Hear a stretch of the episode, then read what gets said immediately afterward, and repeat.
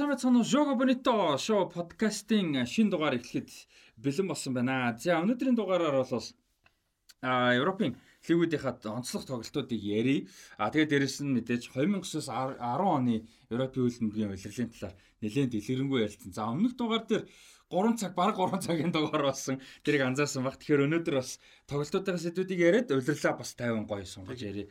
Бас манай а юуны подкастын бас нэг тийм гоё одоо хэсэг болчиход байгаа тийм яг улирал ярих бол. За саяны тойргийн тоглолтуудыг ер нь ямар ямар тоглолтууд үзэж амьдсан бэ? Би бол Премьер лиг нь бараг алгасахгүй ба шүү дээ. Бараг том жижиг бүдүүн үзэж байгаа. Ер нь бүгдийг үзэж байгаа тийм. За би энэ лоног Испани хөлбөмбөгс нийлээ үзлээ. Премьер лигийн бас мэдээж гол тоглолтуудыг үзлээ. За Италиг бол сайн үзэж чадсангүй энэ лоног. Итали дээр би Интер Спацио 2 дээр нэг жоо харсан. Өөр чи юу харлаа? Хоёр тоглолт ямар цаарсан шүү. Тэр Латарогийн гол их гоё гол шүү дээ. Солгоолоор зөгтөр. Тэг Вектор голыг хараагүй. Нөө юу баад? Интер дээр дандаа өдөр үзэж байгаа байхгүй. Тэгээл өдрөө юм хийхийг хайж байгаа. Жоо харж байгаа л. Интер гоё тоглож илээ. За Лукаку тэр нөгөө буцаад лула гэдэг шүү дээ. Тэр ирч одоо буцаад нийлцсэн гоё байлаа. За Бундеслиг дээр ганц хоёр тоглолтод дурдъя тийм. За Бундеслиг нөгөө Дорт Мюнхен бол тэгээд 7-0 дээр 0-д Бохум их хоцсон. Аа Боруссия Дортмунд Вердер Бремнийг 2-1 харьцаатай хожиж явж байгаа 89 дэх минутаас хойш а 3 голыг Вердер Брем камбэк хийж хоцсон 3-2 харьцаад байгаа. За тэгээд энэ тоглолт бол Бундеслигийн түүхэнд одоо рекорд юм байлээ. 89 дэх минутаас хойш 2-оос 2-2-оос илүү гоолын зөрүүд хожиж ивсэн баг хожигдсон түүх байдгүй юм байна. Ер нь бол. Наач юу хөл өмгийн түүхэнд бас ховор ер нь байна. Байсан ч 89-с шүү дээ. Тийм шүү. 3 гол игээд тий 3-2-оор хожино. Би бол ерөөсөө яг санахгүй. 2 гоолын зөрүүтэй хожиж. 2 бол байдээ. 2 бол байдээ. За одоо юу гэдэг 2 тэг байж хахад тэнцүүлдэг ч юм уу тий. Одоо эрт 2-1 болгоо 2-2 болгоо 2-3 болгосон тохиолдол олон байгаа. Зүгээр яг 89 хэр бас нилээ айгүй шүү дээ. Ер нь бол хэцүү. Одоо Борусо ч өөрөө Малагаг нэгдэж бодсон шүү. Гэхдээ хоёр бөмбөгч тэр чинь бас. Тийм.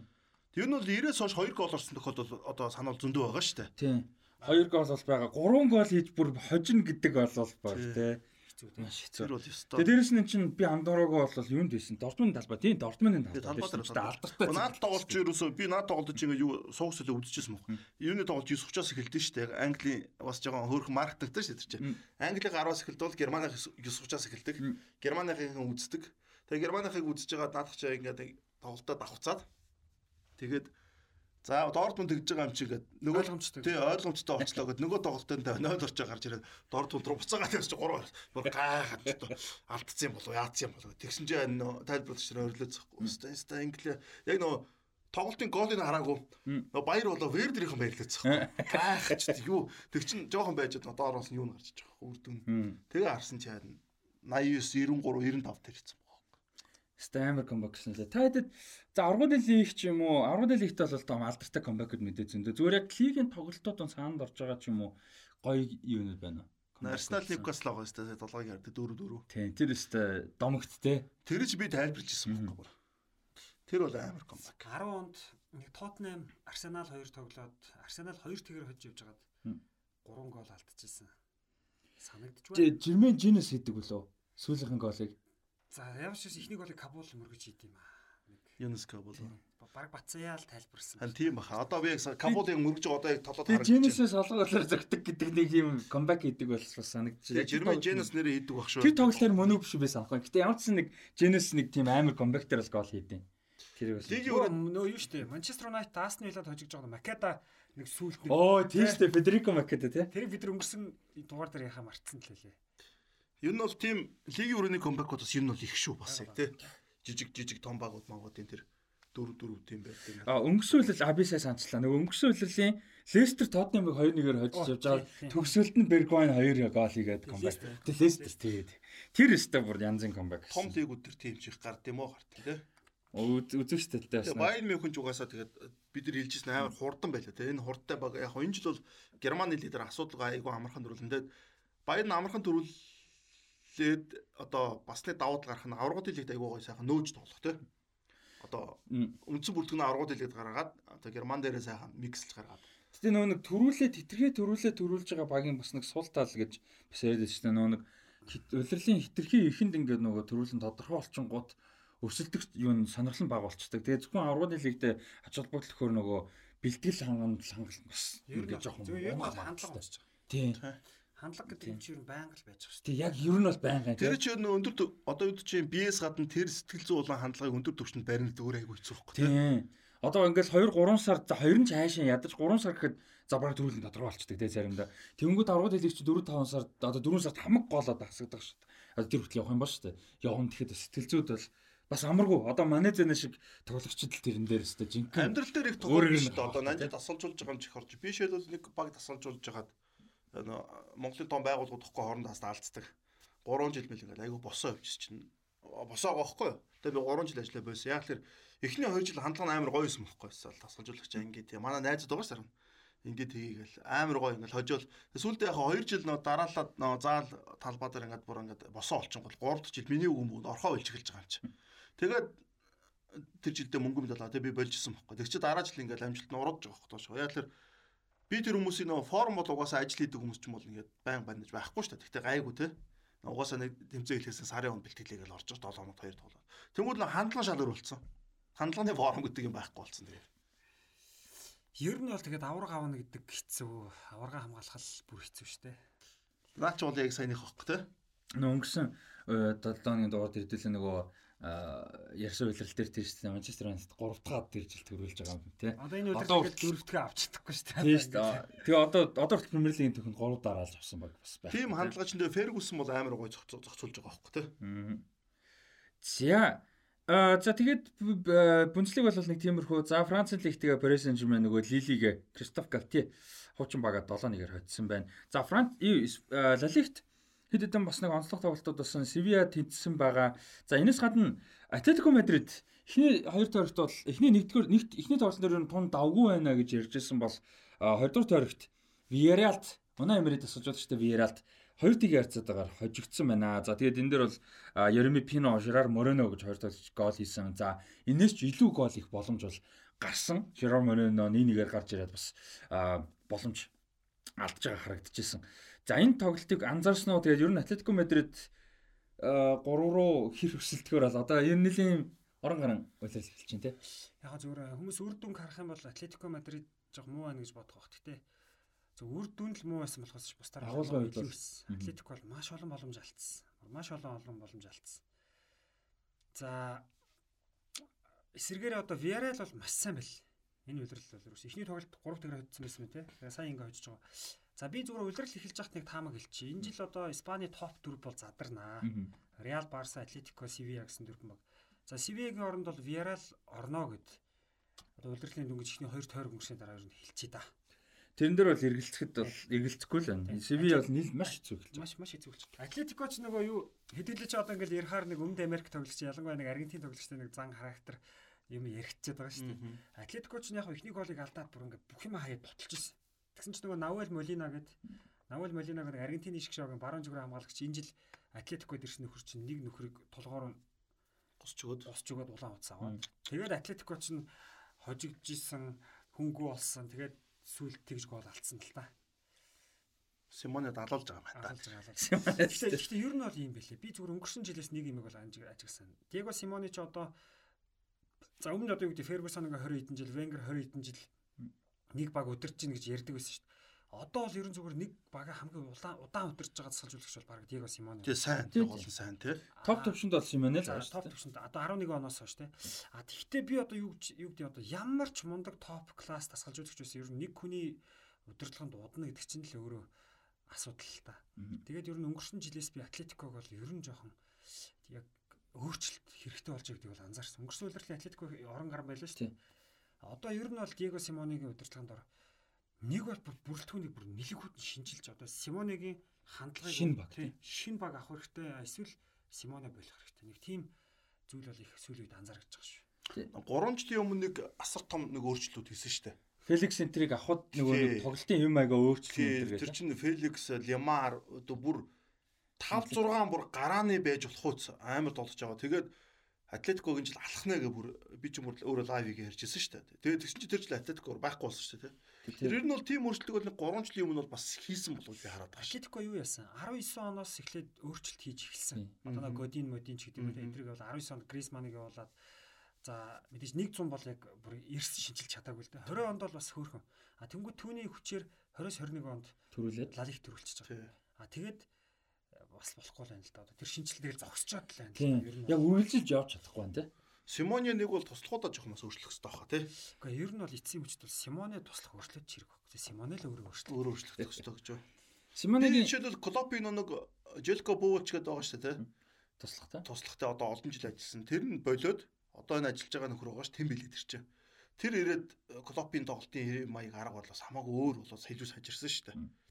Ер нь бол Клоп ч юм бол одоо яг тийм тасгалж үзэж байгаа байхгүй. Зүгээр одоо Ливерпулийн тухай ярихад би бас Клопын тухай ч ярих гэж бодож байгаа. Ер нь бол Клоп ч өөрөө апдейт бас хийгээд байгаа байхгүй. Тэг өөрчлөлт нэлээд хийж байгаа. Мань хүн ер нь хийхгүй байхгүй.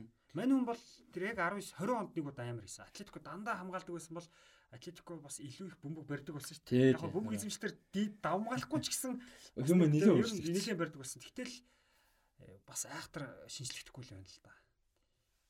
Одоо э, за Симоне боллоо гэж бизнес талаас нь харах юм бол одоо юу гэж Атлетикогийн өдөрлгөөд бол топ 4-д ороод Симоне ингээ явчих заавал төрүүлэхгүй хана бас бизнес талаас харахад бол бас болж байгаа тийм. болж байгаа. Тэр өөр Атлетико ингэдэг байлаа. тий тэнгүүд өөр тасгалжуулагч авчирдаг. Нөгөөх нь топ 4-д оруулж чадахгүй тэр чинь аврагууд хэлээд орж чадахгүй. Санхүүгүүд асуудал нэлээ. Би бол бизнес бизнес талаас нь харахад өдөрлгөөд ер нь баг солихгүй байх. Одоо Атлетико Мадрид гэдэг баг бол ингээд топ 3 баг болчихлоо шүү дээ. Тэ ингээд тэр нь сонирн биш болсон. Симонег удирцсанаас хойш бол ерөөсөө Атлетикод 3-аас болтраагүй. Барсаар Тэгээ хоёр төрүүлсэн. Тэгээ энэ хоёрын дундуур орж төрүүлэлт өөр хүндэлдэг тий. Тэгээ ямар үедэн төрүүллээ. Аврагууд лигийн финалд хоёр удаа үлдлээ шүү дээ тий. Тэгээ Европа лиг бас авсан тийм. Тэгэхээр би бол бизнес талаас хараад бас тийж амархан солихгүй болчихчих. Тэгтээ магадгүй зөв Атлетико зөв нүүдэл хийж чадах юм бол одоогийн нөхцөлөж сайжруулж болно. Тий. Яг зөв шинжилэл хийж чадах юм бол. Симоне ч гэсэн бас хувирахад бас нэг тийм хөвгшөвчөөг бас биш тэгээ уул нь хувирах боломж байгаа л Тэгээ бас хата. тийм хатаа хүмүүс ч гэсэн шүү тий. Мань одоо ер нь Италид нэг очих байх та. Өөрөө Италиас Интерт л очих бах та тэгээ Яванда ер Англид нь бол зогцохгүй. Англи л зогцохгүй. Англид бол дийлэхгүй. Тэгээ Диего Симоне бол Европын хамгийн өндөр цалинтай тасгалжуулагчтай. Өндөр байх нь ч аргагүй л тий. Харин өндөр байх гад би Симоныг угаасаа алдахгүй гэд энэ багийн Симоны Тий. төшгөлж яаж удаан топ түвшний баг босгоно гэж өндөр сайл өгсөн болов гэж хараад байгаа л да. Симоныг ачгавь бол ялчгүй байна. За энэ үлрэлийг ямар ч байсан нэг хожигдолтойгоор ингээ эхлүүлээ явж байна. Вирал гоё эхэлж байна те. Манай амираа бүр, тасчихж байна. Бүрэлдэхүүн бас гоё байгаа. Яг хоо Верал бол суун. Зүгээр сүүл рүүгээ суун. Яа харахгүй Реал Барса хоёршны бүрэлдэхүүнээр Атлетико гурвсан ингээд сүүлдээ тороогоод үлддэг шүү дээ. Нөгөө Битис ч явдаг, Сосидат ч явдаг. Тий. Тэгэл суудаг те. Райоч явдаг тий. Тэгээ Райо ч явдаг. Яг хоо Верал бол ер нь суун л та. Гэхдээ ер нь эцсийн мөч ер нь дөрөвт орчих болов гэж би бодоод байгаа. Тэгээ Вилерали энэ жил аврагууд хэлийг байхгүй шүү дээ. Баггүй. Тий тэгэхээр Европ лиг дорлоо. Робот их торлоо. За баг баг мултарсан байж магадгүй шүү Вилерал ч. Баг мултарсан баг шүү. Тий. Тэдээ сан салахгүй байна тий. Тий. Өнгөрсөн жил ч аврагууд хэлээд айгуу. Битис шашидад энэ гурвал нэг өрсөлдсөн юм Тий. гол угаасаа топ 7 Тийм. болчихж байгаа. Тий. Федерал тэгэхээр аврагууд хэлийггүй гэхээр энэ бас ачаал нь бас арай бага гэж болох юм. Өнгөрсөн жил ч юм бол аргагүй бай зайлвал тий. Аврагууд Сайн үтсээ үтсээ. 8 хүртэл явлаа шүү. тий. Дөрөв дөрөв тий. Баян Юу Баяр дөрөв. 16-ад Ювентусыг өжөө те. Тий. Сайн явсан сайн явсан. За э, гиснээс те. Sociedad э, талбайда Барселона хүлээж аваад эхний минутанд нь гол хийсэн. За тэгээд зөрүүлээд Барселона 4 гээд ерөнхийдөө амархан хожлсон байлээ. Левандовски 2-9 аа тэгээд тоог нь харах юм бол амархан амархан Тэгэхээр хожлоо Sociedad-ын талбайд нь тэгээд э, Олон олон нэг олон тооны зөргөөр очинд чинь бас том Тоо штэ. Ер нь бол Sociedad-ын талбай дээр бол тийм амархан оноо бол авдаггүй те. Тоглолт би үзээгүй болохоор зүгээр ингээ харахад амархан авчихсан. Би тоглолтыг үзээгүй.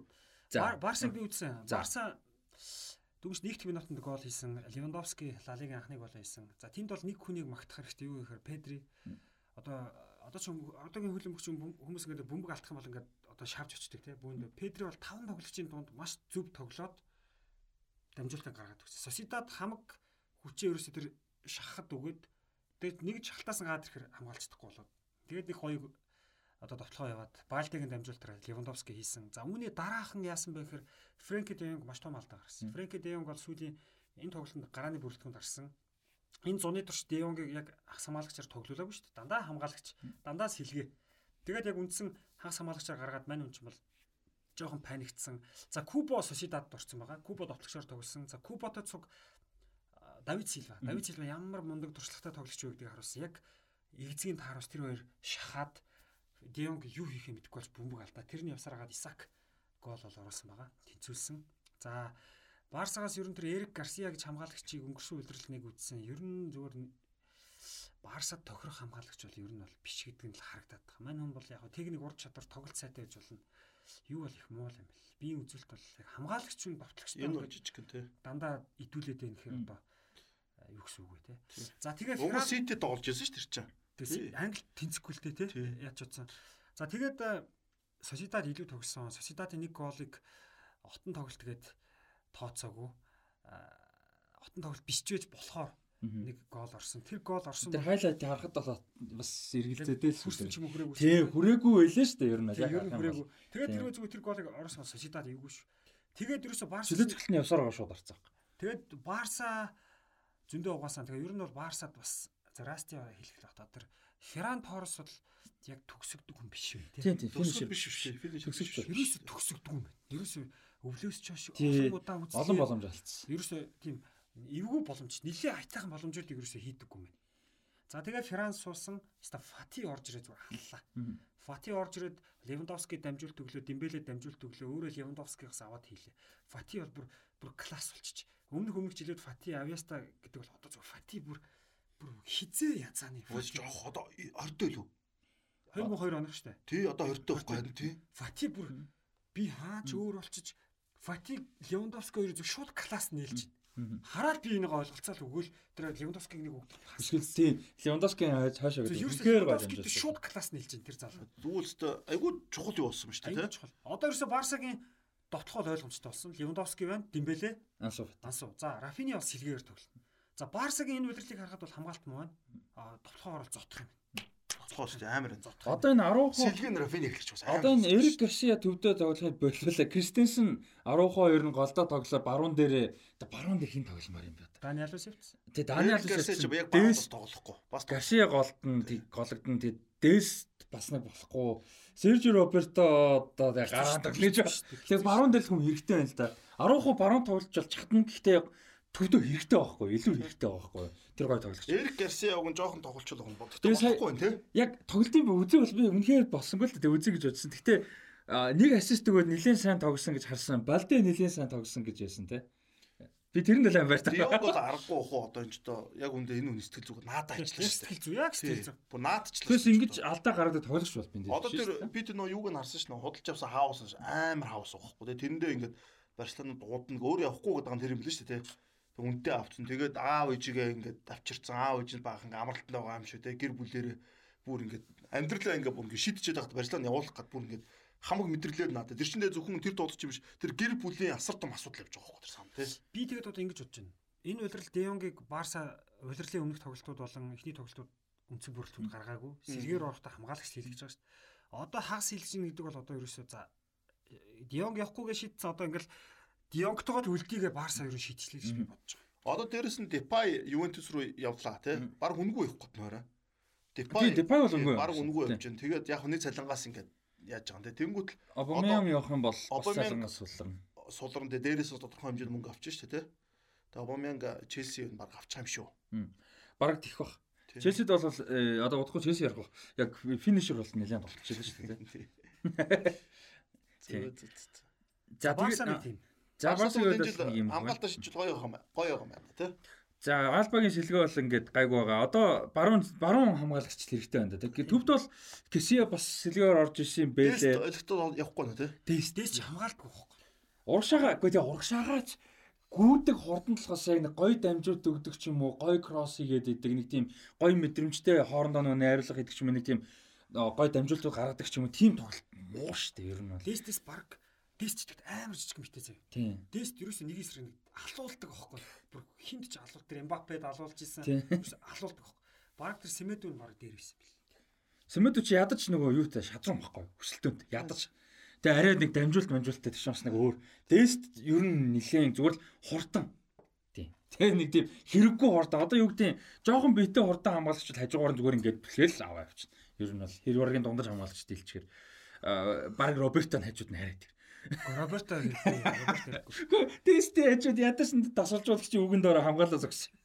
битэг. Тийч. Барса ч гон баруун хамгаалагч юутай та асуудал нь. асуудлаас гадна юутай та юу л ундрахтай таах нь бол тий Ууг нь. гой гой баруун хамгаалагч буюул мөөлж баруун олчаас л тэгэлж байгаа шин замбрутаа нэг хэсэг тоглож ялаа. Барса ингэсэн шүү дээ. 16 Дани Алвес яваад үнэхээр баруун зүгээр асуудал болсон байхгүй. Тэгээ тэнд Серж Роберто үзэн нөгөө Семедо. Семедо үзлээ. Тэгээд тэр асуудал шийдэхгүй байж байгаа хин шийдсэн бэхээр Дани Алвес өөрөө ирээ шийдсэн байхгүй. Энэ хөл А донд нь Даглас гэсэн нөхөр худлаа. худлаа. Дани явчаад өөрөө 5 6 жилийн дараа өөрөө хэсэг шийдчихэл өөрөө буцаа. Бараг 40 үржсэн биз дээ. Тийм шүү дээ. За тэгээд Барсагийн хувьд бол ийм байна. Барсагийн бодлого модлол арай арай байгаа шүү дээ нэрээ. Хэвээ санаа самар. За тэгээд Реал Мадридийн хувьд Селдаг бас бас тийм амар ба- баг болвол биш те. Талбай дээр нь очиод 4-1 харьцаатай болгож авсан байна. За хувьд нэг юм байна. За Реал дээр Реал дээр ганц чи тайлбарсан шүү дээ.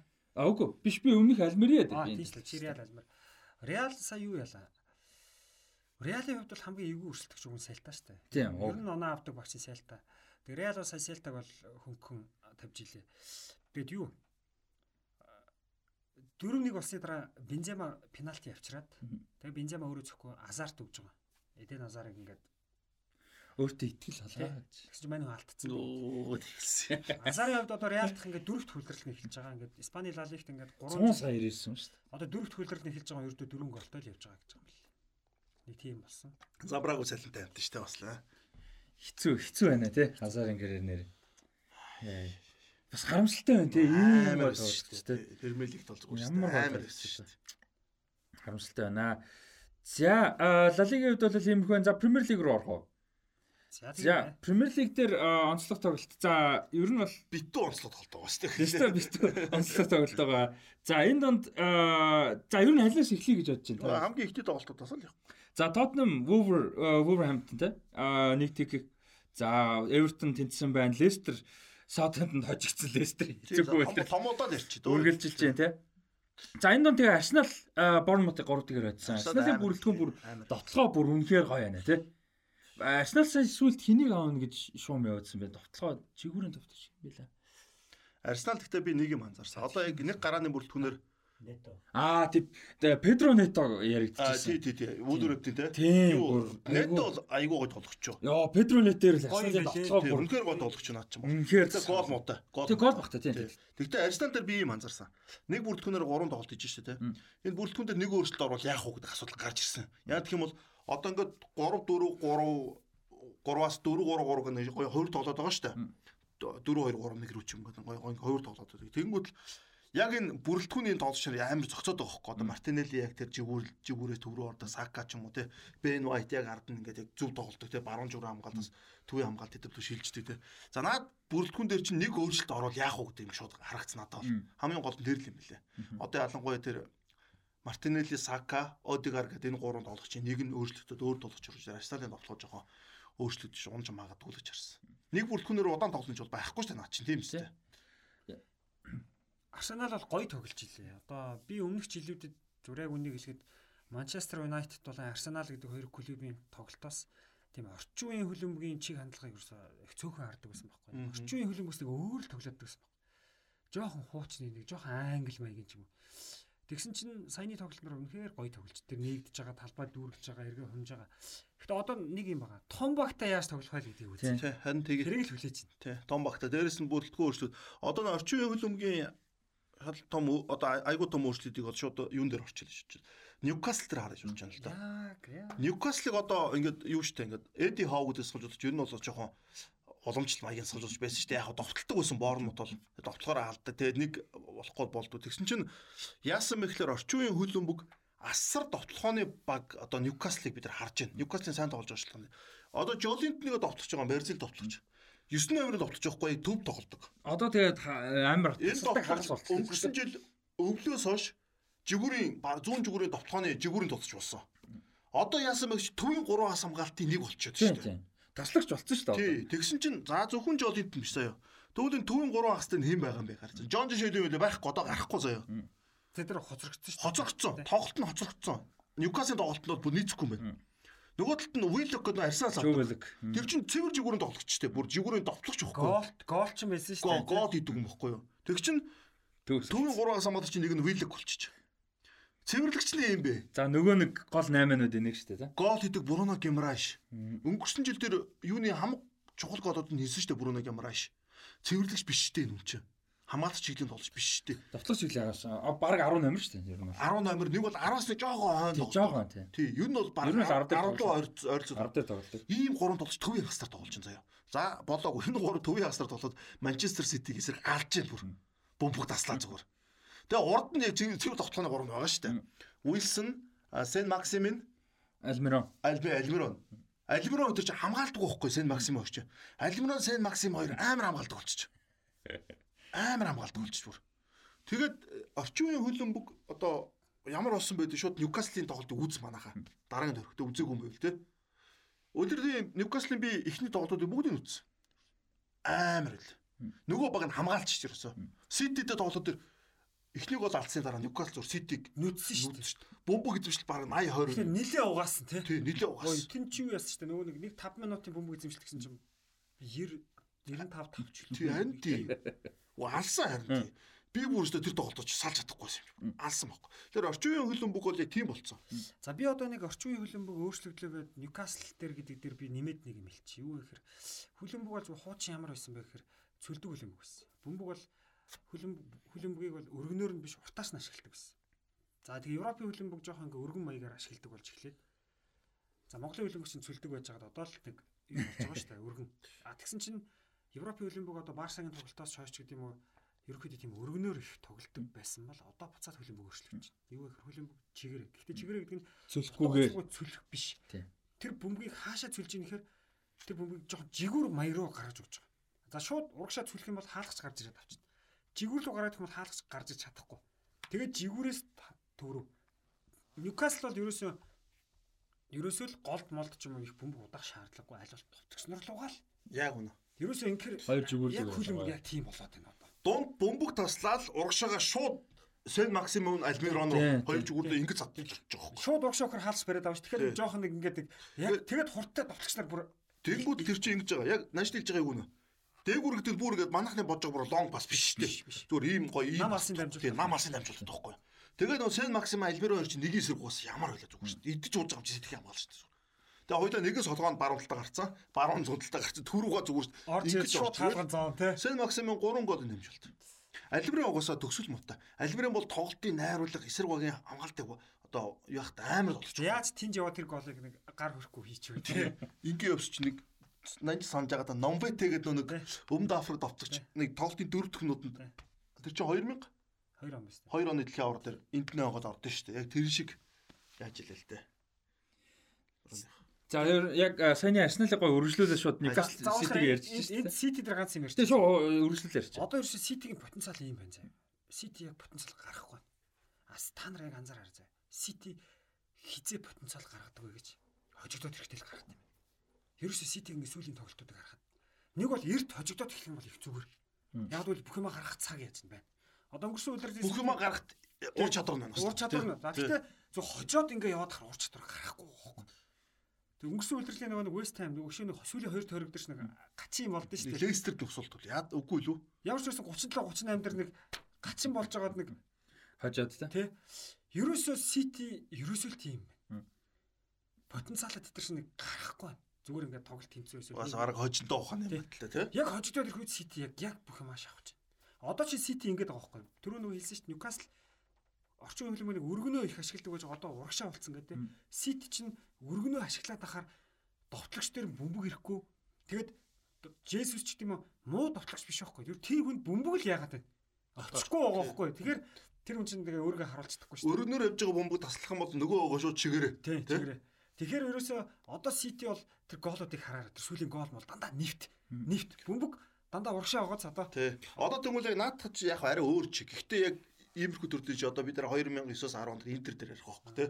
Яг довтлооны баг Барсагаас бөмбөг таслал ерөөсө чадвартай довтлооноор өгдөг. Тэгвэл Ньюкаслын хамгийн гол юм тэр за урдлын тэр Альмирон Сен Максим тэр бол яг байц бол сонголт тий. Төвийн 3 ахс нь бүр за би энэ 3-ыг одоо анх ингээд төлөрлөх за ингэж амжихгүй гэж бодчихсон байхгүй. Тэгсэн чи юу зүгэрсэн. За заяа нэг юм байна зэ. Одоо эн чинь Ньюкаслын тоглолт нь Ситид таарч байгаа байхгүй. Яг нөгөөд нь товтлж байгаа байхгүй. А одоо Ньюкасл чинь амар хамгаалдаг баг дээр бас эвгүйт шүү. Тийм тэгээд тэгээд өдөрлийн тэр нээлттэй хэдэн тоглолтууд Ньюкасл тэгсэн шүү дээ. Нүдэд нүдэд өөртөө хүртэл алдчих. Одоо тэд нар чинь нүдэд нүдэд ор- орохгүй байвал зөрөн штэ. Тий. Хамгийн аюултай хөлөө мөрч. Тий.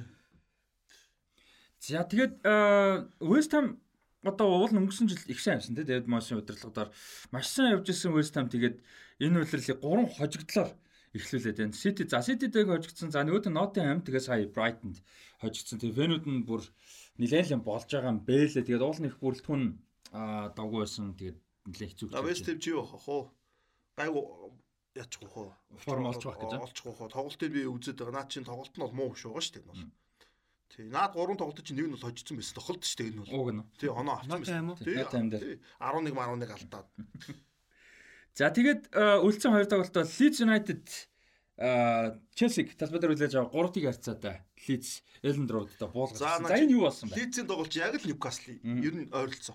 Марсело Биасагийн багч нь тиймэрхүү өсөн шүү дээ. Одоо над Leeds-ийн тоглолт за Newcastle-аас арай өөр. Гэхдээ энэ бол баг л Newcastle-а төстөөд тоглох байхгүй Челсигээс тий. Челси бол яг хаа өөртөө жоохон дазгүй өгөх юм уу? Зарчааг өгч жоохон муухай тий. Шууд 2 голын боломж өөртөө алдсан бохгүй. За Стерлинг тэр бол ерөөс кол واخгүй Стерлингийнх тий. Гадуур зөгтөө. Нөгөөд нь Лофтус чиг واخгүй. Гэхдээ ерөөсөө тэр 16 дотор 7 метрээс хаалгаруу зохгүй тэр яах гэж байгаа юм бэ? Бөмбөг зөрийг урдууд ингээл ороод ирж байгаа шин. Тогтоогоо тэр чи яг бол тэр юуны асуудал واخгүй. Цаг хугацааны асуудал واخгүй. Тогтоож явахад хамгаалт нь урдууд нь урд нэг юм хоёр хамгаалч гэсэн бол дөрөв юм тав хамгаалч урд нь ороод ирэх байхгүй юу. Тэгэхээр тэр бөмбөгийг шууд зохон зохоод гол орхон дээр лоптчиг алдсан. Ядаж энэ хоёрын нэг нь орсон бол тоглолтын үр дүн арай өөр болох байсан болоо би бодож байна. Тэг ихнийг бол алдаал ер нь бас эвгүй болцсон шүү дээ. Одоо энэ тийг ийм зүйл байна. Дахиад нэг орчин үеийн хөлбөмбөг ярих гэдэг юм л та. Юу гэхээр хөлбөмбөг одоо сүүлийн үед яаж оноо алдаад байна гэхээр сүүлийн хэдэн жил одоо багуч маш их бөмбөг эзэмшдэг болсон. Өмнөг бол өнгө цөлчдөг байсан шүү дээ. Болоод мэдээж бөмбөг хатгалж үлдэнэ гэдэг чинь чухал зүйл мөн. Мэдээж багууд бөмбөгний ялангуяа том багууд үү. Гэхдээ тэд нар ганц бөмбөг авч үлдэж үлдгэснээсээ болж бүр асуудалд ороод байгаа. Одоо шинэ тэнд Эдвард Менди зүгээр өшгөлөөд явуулсан бол тэр гол орохгүй тий. А тэгэхээр тэрийг ингээд нэг ганц эвгүй байдалд орчих тэр бөмбөгийг авч үлдгэснээсээ болж өөрөө маш хүнд байдалд ороод. Одоо тэгээд би өнгөрсөн нэвтрүүлэг дээр бас сэлий гэж бодож байгаад Марсело Биалса явсан Жесе Марш гэж дасгалжуулагч ирсэн. Энэ дасгалжуулагчийг бол Европт их өндөр үнэлдэг шүү. Өөрийн школ арга барил гэдэг бол мань хүний юуг бол дэлхийд бол яг том баг өдөрч байгаагүй. Гэхдээ мань хүнийг бол Лайпцигт нэг хэсэг жоохон яваагүй те. Жоохон таараагүй. Мань хүнийг их үнэлдэг. Мань хүн тэгээд одоо яг Лидст бол энэ зам яг өөрийн философи арга барилыг суулгаж чинь. Тэгээд өөрөө өмнө ажиллаж байсан бас хит хитэн тоглогчийг аваад ирсэн. Лидс бол одоо бас манай үзэгчтэй Лидс энэ зам одоо шинэ Рафиняч гэдэг юм тоглогчтой явуулж шээ. Калвин Филипс хүн явна гэдэг муу боловч бас эн чинь бас зарим нөгөө талаараа бас айгүй айгүй том давуу тал болдог тий. Лидс бол энэ жил унахгүй. Унахгүй. За энэ одоо унахгүй юм тоглолт юм. Би ч лидсийг унаж утсан энэ жил. Тэгээд гол нь одоо маршины давуу тал нь яг нөө Бесагийн философи тоглогч нар суудсан байгаа. Тогтооны майнд болсон юм. Өөрөө ирээд ажиллаад айгүй авах. Тогтооны майндтай. Манай жоохон жоохон өөрчлөлтэй. Жоохон жоохон өөрчлөл. Тэгээд лидсийн тоглолт энэ бол Ньюкаслын ер нь төстэй байл шүү. Чи төвий асуудал нь гарга да. Би нөө Челси юуны тоглолт нөө зэрэг яваад Брайтон Вестэмтэй зэрэг явлаа чи яалаа.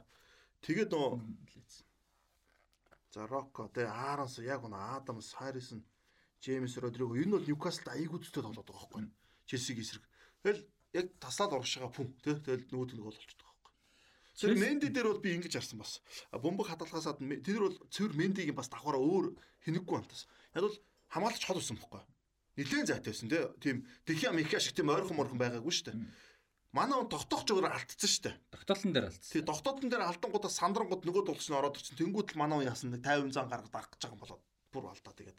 Алц энэ дээр бол тэн дээр бол тогтоолтын алдаас. Зүгээр тогтооцсон бол хүн ирж исэн ч гэсэн тэн дээр бол ямар ч үсэн дамжуулалтаа өгч чадхаар юу байсан те. Ер нь ихний хөрөлтөөс л их юм шалтгаалж байгаа шүү дээ.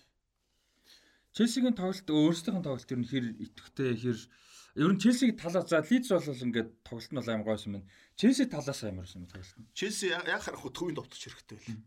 Төгсөгч те. Тий яг яг харахгүй төгсөгч хэрэгтэй байл тоглолтын дээр л. Челсиг би өнгөрсөн дугаар дээр их магтсан шүү дээ. Одоо энэ нь одоо Челсиний хандлагын том зөрүү байна. Юу гэхээр Челсиг бид нар Тоттенхэмтэй тоглоход нэг сайнгуудыг гэж бодож хат маш өндөр хандлагатай орж ирсэн байхгүй тий. Маш илүү. Тэнгүүтээ Лидс дээр хандлага онно гэдэг бол юм ингээд тогтургүй байна гэдэг чинь л ер нь их муугийн шинж байгаа юм да. Одоо тэр нөгөө нэг түүхэл Тод Бойл шин эзэн ирлээ. Тэгээд Томас түүхэл яг нөгөө юунуудаа илүү оролцоод 8-нууд багийн төлөвлөлттэй.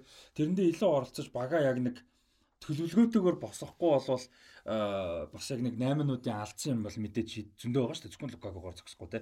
Тэгэхээр тэрийгэ шийдэхгүй бол одоо ер нь бол тэгээ одоо харахад бол нэг хамгаалагч нэг төв дээр баг хүмүүн баг авах шаардлага гарч та одоо Ковачич Ганта хоёр гимтэлтэй үед ингээд асуудалтай болж штэ тий. тий наа төвч бас би ярих ярих гал байж чадлаа. Галагаар гарсан дээ. Галагаар Жоржино ерөөсө тоглолтод зогсохгүй. Яг бол наад өрж хоёулаа хамгаалах чиглэлийн төрлийн тоглох ширмжихгүй. Илүү нөө дотлохороо тоглолтод тамиршир. Тэнгүүд Ньюкаслыг наад өдөө чинь урагшаага тоглоход аюу амар.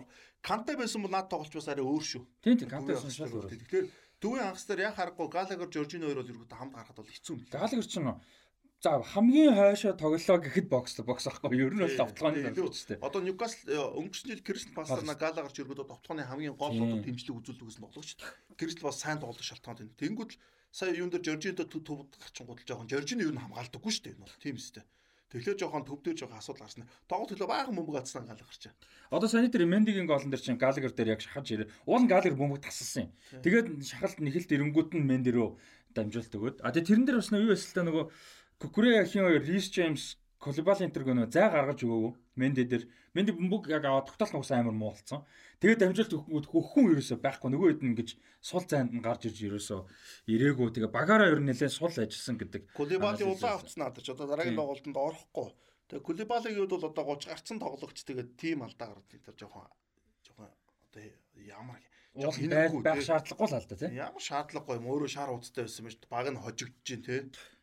Тэгээд лидер хүн шүү дээ уг талбай дээр тий. Тэрэн дээр Кулибали бол айгүй том бас тийм миний хувьд бол буруул юм бисэн тий. Тийм дараа 7 хоногт э, дараагийн тоглолтод бол тарихтай юм байна. Талбай дээр Лестрийг хүлээж авч тоглох юм байна. Челсигийн хувьд бол. За Челси ямар ч байсан нэг одоо одоо бацт нь гарах нь уу энээсээ сэргэх үү эсвэл энэ нь одоо бүр байгаа асуудлыг илүү тодруулж өгөх үү гэдэг бас дараа дараагийн тоглолтууд бас Стерлинг бол сайн байлээ. Стерлинг бол ярих юм байна. Тэр Кукуреягийн нэг агуу гой дамжуулалт гаргаж өгөө Стерлинг нэг гол хийсэн ш дотн тоглолт болсон байсан. Тэр бол их гоё тоглолт харагдчихлаа уг нь. Ер нь бол тэр нэг гол нэг алдсан шүү дээ. Ганцаараа ингээ дараад тэр бол бас айгүй хүн тоглож тэрийг бол багийн тоглогч экстерлинг шиг тэгж өөрийгөө тэр суулж гарч чадахгүй байхгүй. Айгүй амаргүй. Тэг тэн дээр стерлинг яг нэг асар хурдтай учраас нэг цогч жогод болоод нэг ингээ тууд тэр мөр бол яг класс байлаа. Тэг гол нь тэрийг бол энэ бол хийцэн газар тий. Мань үн тэгээ финишер биш л дээ тий. Тийм тийм.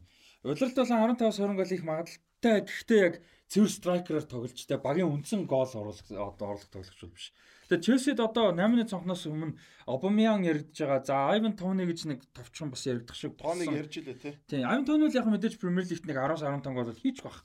За бүр сайн явах юм бол хорлооч шахах бас магадлал байж магадгүй юм тэрийг сайн мэдэхгүй байна. Челси тийм доороос тоглож аваад хэрэггүй хөө.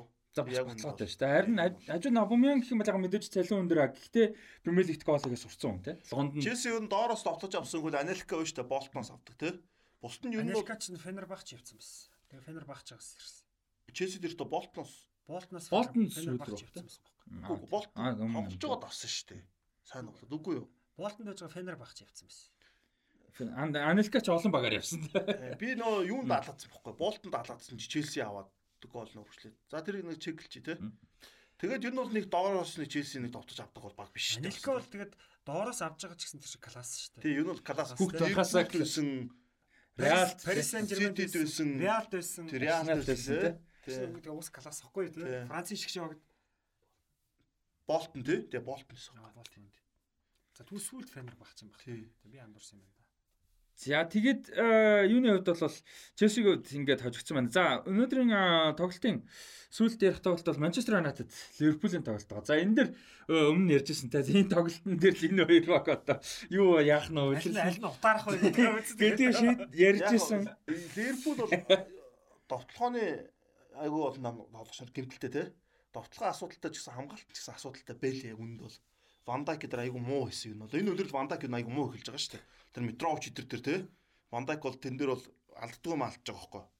Митрович ус дарна шүү дээ ойлгомжтой. Дарсан ч гэсэн ард нь аарнууд дот ингээд үлдээх юм дээр тий. Ер нь бол хамгаалт өөр юм уу тий. Фабиньяг угаасаа наа тоглолтын дээр чин дээр Клопын гарааны бүртгэн жоохон буруу гарцсан гэж харсан. Эндерсон, Милнер, Элит хорыг төвд гаргасан. Энэ бол ерөөхдөө жоохон алдаа болсон ба. Ер нь бол гэхдээ хамгаалт бол асуудалтай байсан шүү Ливерпул.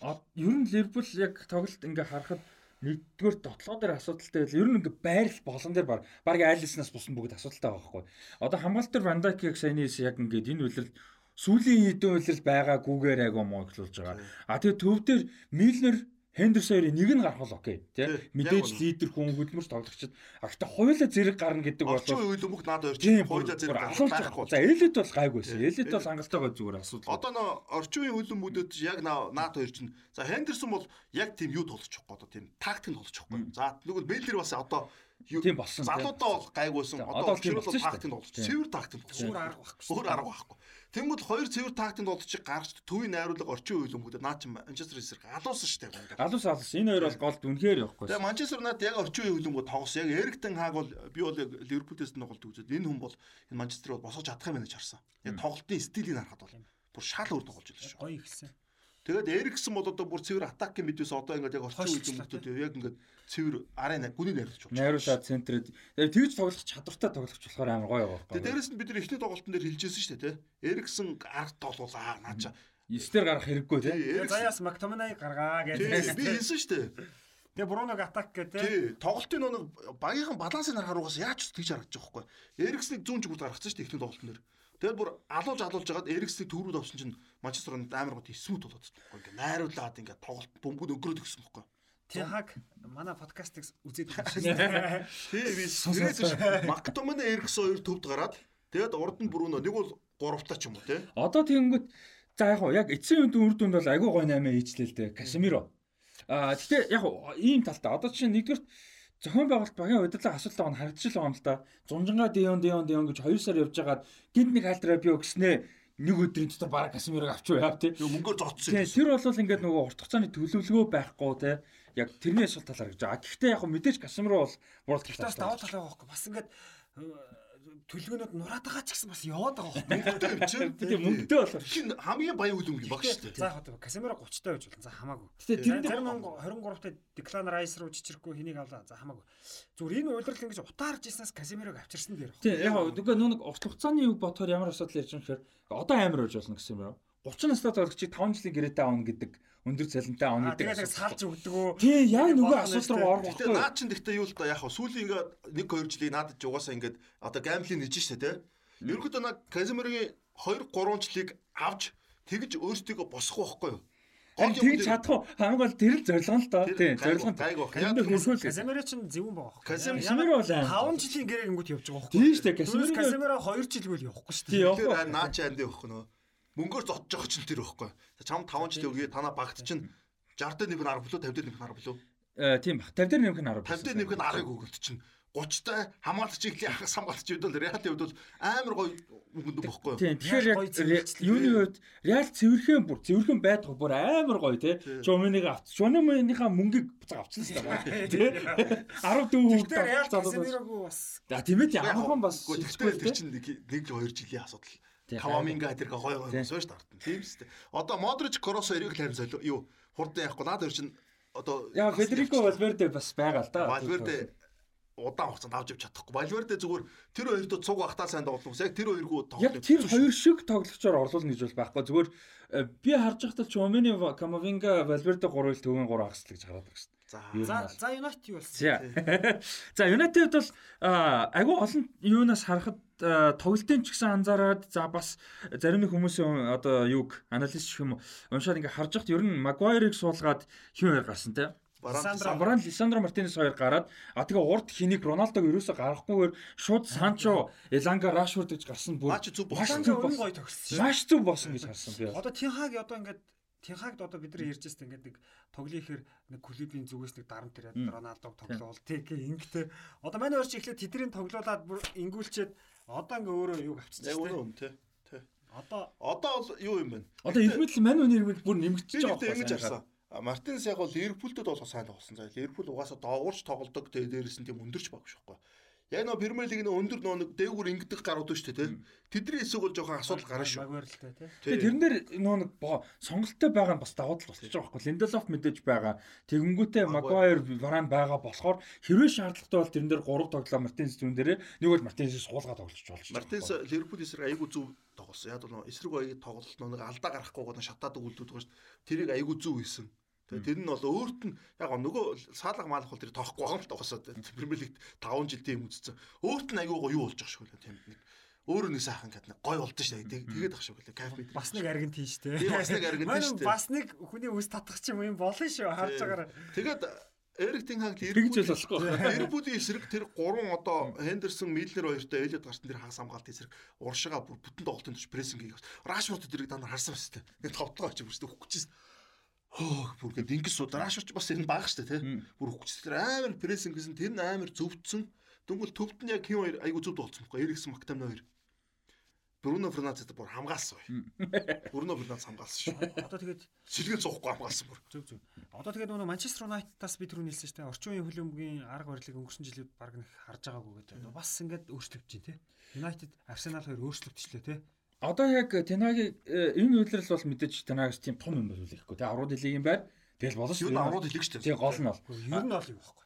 Тяхаг ер нь аврагуудын лиг премьер хав. Ер нь бол энэ Манчестер Юнайтед философиг л өөрчлөх байхгүй. Тий, тий, тий, гол нь. Тэнгүүд энэ үйлрэлт бол нэг том хүлээхгүйгээр дараа үйлрэл одоо дараа үйлрэл эхлэхэд гэсэн үг шүү дээ. 108 дуусгаад яг Тенагийн бүрэлдэхүүн одоо эхэлсэн байх шүү дээ. Тэгээ 8 их цул яг өөрийн 8-ага хийн. Тий, тий, тий, тий, гол нь тэр байхгүй. А тэгээд дараа үйлрэл эхлэхэд яг мань хүний одоо үндсэн бүрэлдэхүүн философи өөрчлөгдөх те аврууд дэлхийд оруулахгүй л том баг фанатууд бас хэцүү тийм фанатууд нь ихж байгаа шүү хөрөнгө оруулагч нар. Тэгэхээр яг энэ үйлрлийн гол зорилго бол тэр яаж иж байгаа л аврууд дэлхийд орох а тэгээ нөгөө нэг үр дүнгийн төлөө тоглох өөрийнхөө өссөн тоглох хоёрын балансыг энэ үйлрэлдээ нэг итэг олох хэрэг байгаа дээ шүү дээ. Тэгвэл аврууд дэлхийд нэгэд орно гэхлээр Арсенал Дотны байр амар явахад гэдэг бас бас хэцүү үү. Бас Санчо энэ тоглолтын дээр айгуу гоо хүмүүсийг сануулсан санагдаж байна. Ямар амар тоглогч? Тэгээ ямар амар мундаг тоглогч шийдвэр вэ? Ингиж одоо ирсэн бэ гэдэг сануулсан баг. Нөө хүмүүс мартсан шүү дээ. Өнгөрсөн өдрөл айгүй муу тоглосон харагдаагүй байлаа. Эхлээд ч нэг харагдаагүй байсан тий.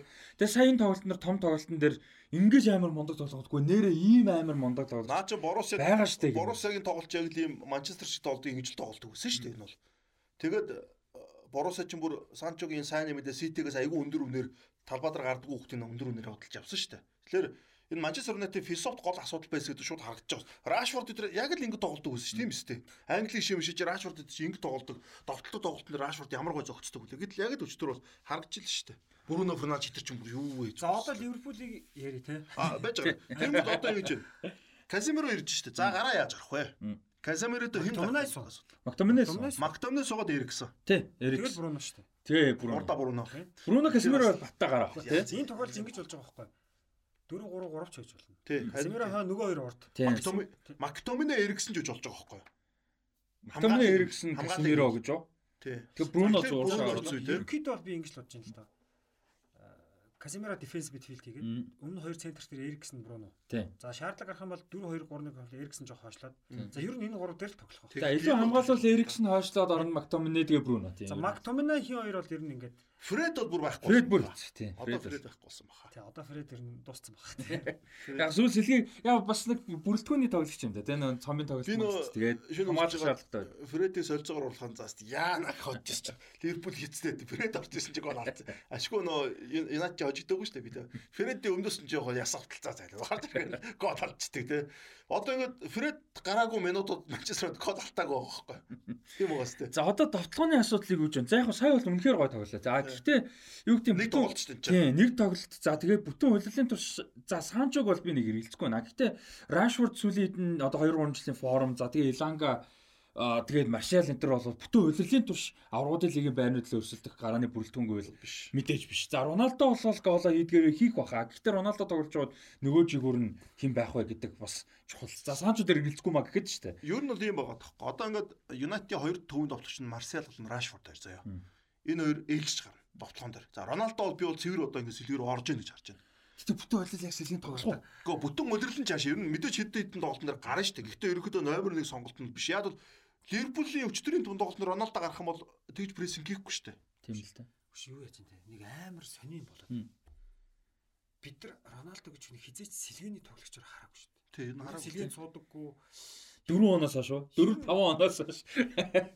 Хитс тоглолт л байсан шүү дээ. Гэсэн чинь өчтөр битүү суусараад одоо ингээд яванда ингээд тэр нэг суучдаг дүрх зураг хоногших үедээ бурхан нэ. Роналдо яг ийм байгаа байхгүй. Одоо ингээд өөрийнх нь насан чавж нэг Эрик Тенгагийн тоглолтын дээр ч гэсэн муу гэж байгаа бол биш шүү дээ Роналдо. Нийцэхгүй л. Тэгээ нийцэхгүй байгаа байхгүй.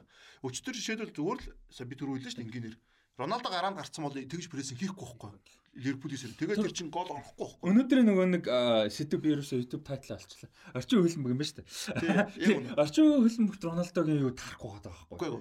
Роналдо залуу залуу бол таарна. Үгүй залуу Роналдо бол таарна биш. Одоогийн энэ Роналдо. Харин тийм тийм. Залуу Роналдоор бүр аална заяа.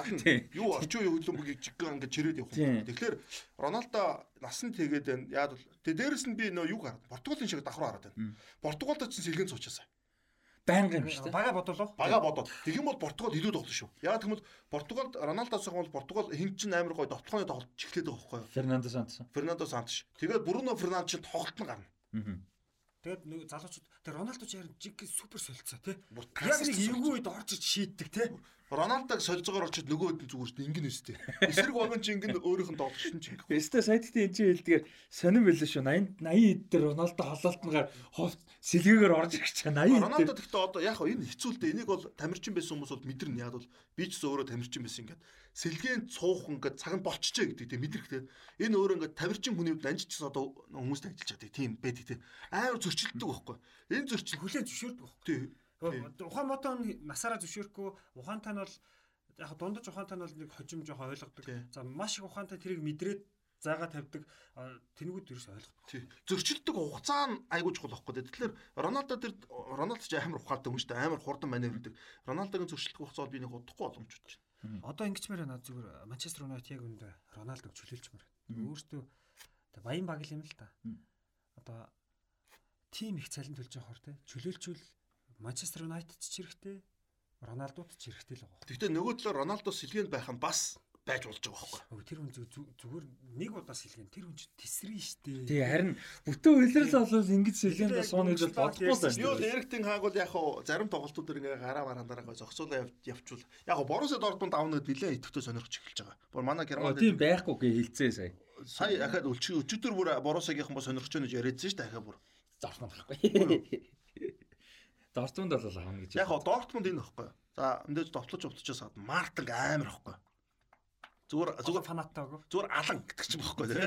Ювентус аваад яалаа Итали хэлээ. Тэр Роналдо хамгийн гол нь цалингаа 4 5 дахин багасгаж очих уу? Бас тэр нь л асуу. 5 6 дахин багасгаж иж Дортмундын өндөр цалинтай хүмүүс дунд нь очиж. За Юнайтед үлдэх юм байна уу? Тэгэхээр хийж байгаа. Тэгэж одоо тэгэл бид нар энэ өдрөл хараа Роналдог. Эриктен хагийн одоо юу л мэдэн шүү дээ одоо. За Ливерпул Ливерпул харин муу. За сая яг очоо ярьлаа нэмээд яриа тий. За би одоо яаж өөрчилж байгаа юм яаж байна. Түрүү нөгөө Диего Симонегийн тухай ч ярьсан. Одоо ер нь бид ингээд жил болгоо улирал яриад байгаа шүү дээ. Улирал ерөөсө цоорсон баг яадаг вэхээр дандаа бүрлэн сольсон байгаа хөөхгүй. Эрс те. Эрс өөрчилсөн багууд л явж байгаа. А Ливерпул бол яг нэг нэг үлэхэд өнгөрсөн улирлын аврагуудын лигийн шигшээ тоглолтод хожигсны дараа том өөрчлөлт хийх байсан. Энэ баг баг хийгээгүй.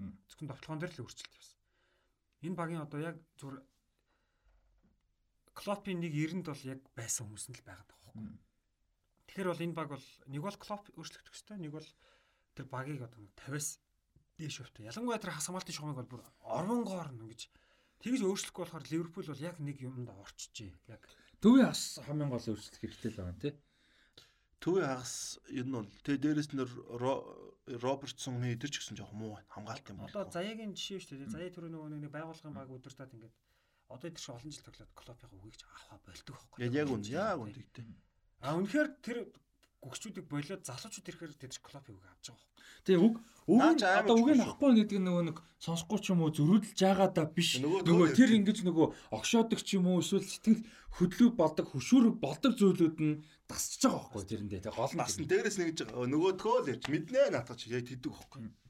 Тэр чинь болохоор клоп болохоор нөө мэдж байгаа албаар хэлж нөө ахаад нөө юу шаардлага байхгүй гэж асуужуулж байна. Тэгэж ярих тусам Венгер тэгээд тэр тусмаа Фергюсны юу амар санагдсан. Тэнгүүд нөө Фергюсон эдэр чинь жоо өвчээр ингэдэг байхгүй те.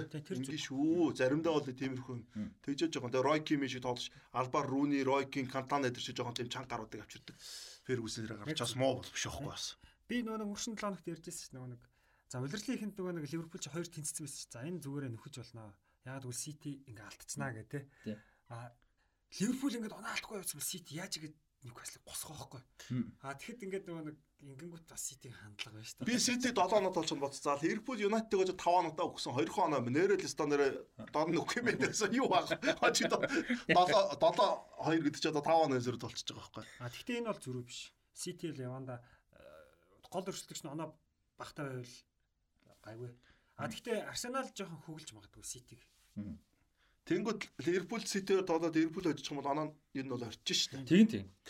Ливерпул тэр юун дээр одоо Клоптой юу л да Клопыг солих гэж байхгүй хоо нэ. Клопчиг мэрэгчлээ болохгүй. 24 он аа Дуустал тий. дуслаа. Миллер Хендерс хоёрыг ахиж битээ гараанд Хамт- хамт хамт бол гараанд гараад ирэхгүй гэдэг. Нэг нь гарахаж болол угаасаа ойлгомжтой үүрэх роллонтой бол хангалттай сайн. А гэхдээ зэрэг гарна гэдэг тэг ийм том тоглолтын дээр зэрэг гаргадаг. Гэхдээ юу хөнгө болчихсохгүй. Наби. Кейтан гимт гимтсэн. Чемберлен үлрэл үйл хүртэл байхгүй. Чемберлен одоо гэж угаасаа ч тоглодгүй. тий. Тэгээ тийм байна. Аа Тиаго Алкантара гимтэлтэй. Тийм. Төвийн ахстай нэ Фабиньо ч бүх тоглолтод тоглож байгаа байхгүй зайлшгүй. Тэгэхээр Фабиньо зайлшгүй амраагаад энүүгээрээ нэг Юнайтедтэйгээ нэг Уулна. харгалчий гэж бодсон юм шиг байна. Фабиньог энд амраад нь буруулах. Харин Тийм тийм тийм. Фабиньо хоёрын дараагийн нэгийн оронд хэрэгтэй байхгүй юу тий? Дээрээс нь ингэсэн баг. А Юнайтедийн өмнөх хэдэн тоглолтуудыг анализ хийгээд энэ багийн төвийн хагас нь муу заавал Фабиньо гаргах шаардлагагүйгээр Миллер Элиот Ол өчтөн тэнд биш байна гэж тэнд өрсөлдөөн биш үү гэж бодсон чи Эрик Тангийн эсрэгээр нь тактик аягүй зөв Ер нөхцөлсөн. ер нь бол зүгээр тэр тусмал гарах хэрэгтэй шүү Юу нь бол тийм, юу нь бол Тэр Давуу тусмал талаа бүр ашиглаж тий. тэр суулаа дээр тэнцчихий гэж байгаа юм. Хайш. Бүр энэ дээр нь Бүр нэмж ажиллаж өгч дээ тий. Curtis Jones Дээрээс гэмтсэн нь ингэсэн баг. Одоо нөө төвийн хагасын зүүнтэл байгаа шүү дээ. Төвийн хагасын зүүнтэл дээр тоглолтог хүн аягүй хэцүүлчих тахгүй. Одоо Хендерсон бол төвийн Баруун. баруун дээрсэн Тийм. тоглоод нэг бол төвдөл тоглолдог тий. Зүүнд ерөөсөө арга нь нэрцдэг байхгүй. Тэнгүүд Хендерсон байгаа байхгүй. Миллер, Элиот, Фабини өгөхлөөр аягүй жул гарах гэсэн байхгүй. Тэнгүүд Хендерсныг гарах Миллерийн зүүнд гарахаар Хендерсийн төвийн хагас дээр Английн шид нэгтгэж тоглолтосны бол Ливерпулоос тэгдэг болгосон тий анх. Тэгэж нэг тоглож үзсэн тэр нь буруутсан. Яг нь Элиотыг Элиот бол арай залуу байгаа байхгүй. Арай залуу байгаа. Тэгээ элит дээрш нэг аа, урагшаага илүү оролцоотой тоглох хэрэгтэй байгаа байхгүй. Ардаа сайн хамгаалалт хамгаалах чиглэлийн хагас хамгаалагчтай байх юм бол урагшаага илүү чөлөөтэй тоглох. Одоо нөө юу байгаа ш нэг Набикета ч юм уу энэ хин Алкантара гарах нэг гой тоглолтны гой нэг тийм зохион байгуулалт болоод эхэлтэн штэ бум Тийм. эзэмшлүүд штэ. Тэнгүүд нөө Элиот ч юм бол яг тэн дээр одоо нөө Тэнд арай жуулаад байгаа байхгүй. Тэгээ Миллер Хендерсон хоёроо тэрийг бол зохион байгуулалт угаасаа чадвар нь Тэр төрлийн тоглогч. төрлийн тоглогч биш байхгүй. Тэр өгдөө төвийн анхны дээр зүүн дээр тоглох хүн айгүй чухал байсан учраас би тийм сонголт хийчихвэл олон талаар бодлоо л доо. За энийг яриад байгаа шүү дээ. Тий, нь ер нь бол практикаас харахад энэ илүү тоглооны Тийм. Тий. найруулга талтай байх шүү дээ. тий зүүн дээр. Тэгээ тэр нь баруун үлтэй байж. Тэгээ дээрэс нөгөө Хендерсон баруун дээр гардаг ч амар үүрэг бол нөгөө Александр Арнольдыг cover хийх штэ араас нь. Тэр чинь амар чухал үүргэн дээр. Тий. Гэхдээ одоо илүү тоглооны санаачлага ихэд дээ. Ер нь бол Фабиньо, Тиаго Алкантара, Хендерсон гурав багт бол ирэхэд айгүй гоо тийм юу нөө тохиронд бүрдэл итэм. Тэгээд бол Ливерпулийн баруун жигүүрч өөрөө угаасаа Александр Арнольд бараг довтлцол орчиж байгаа дээ.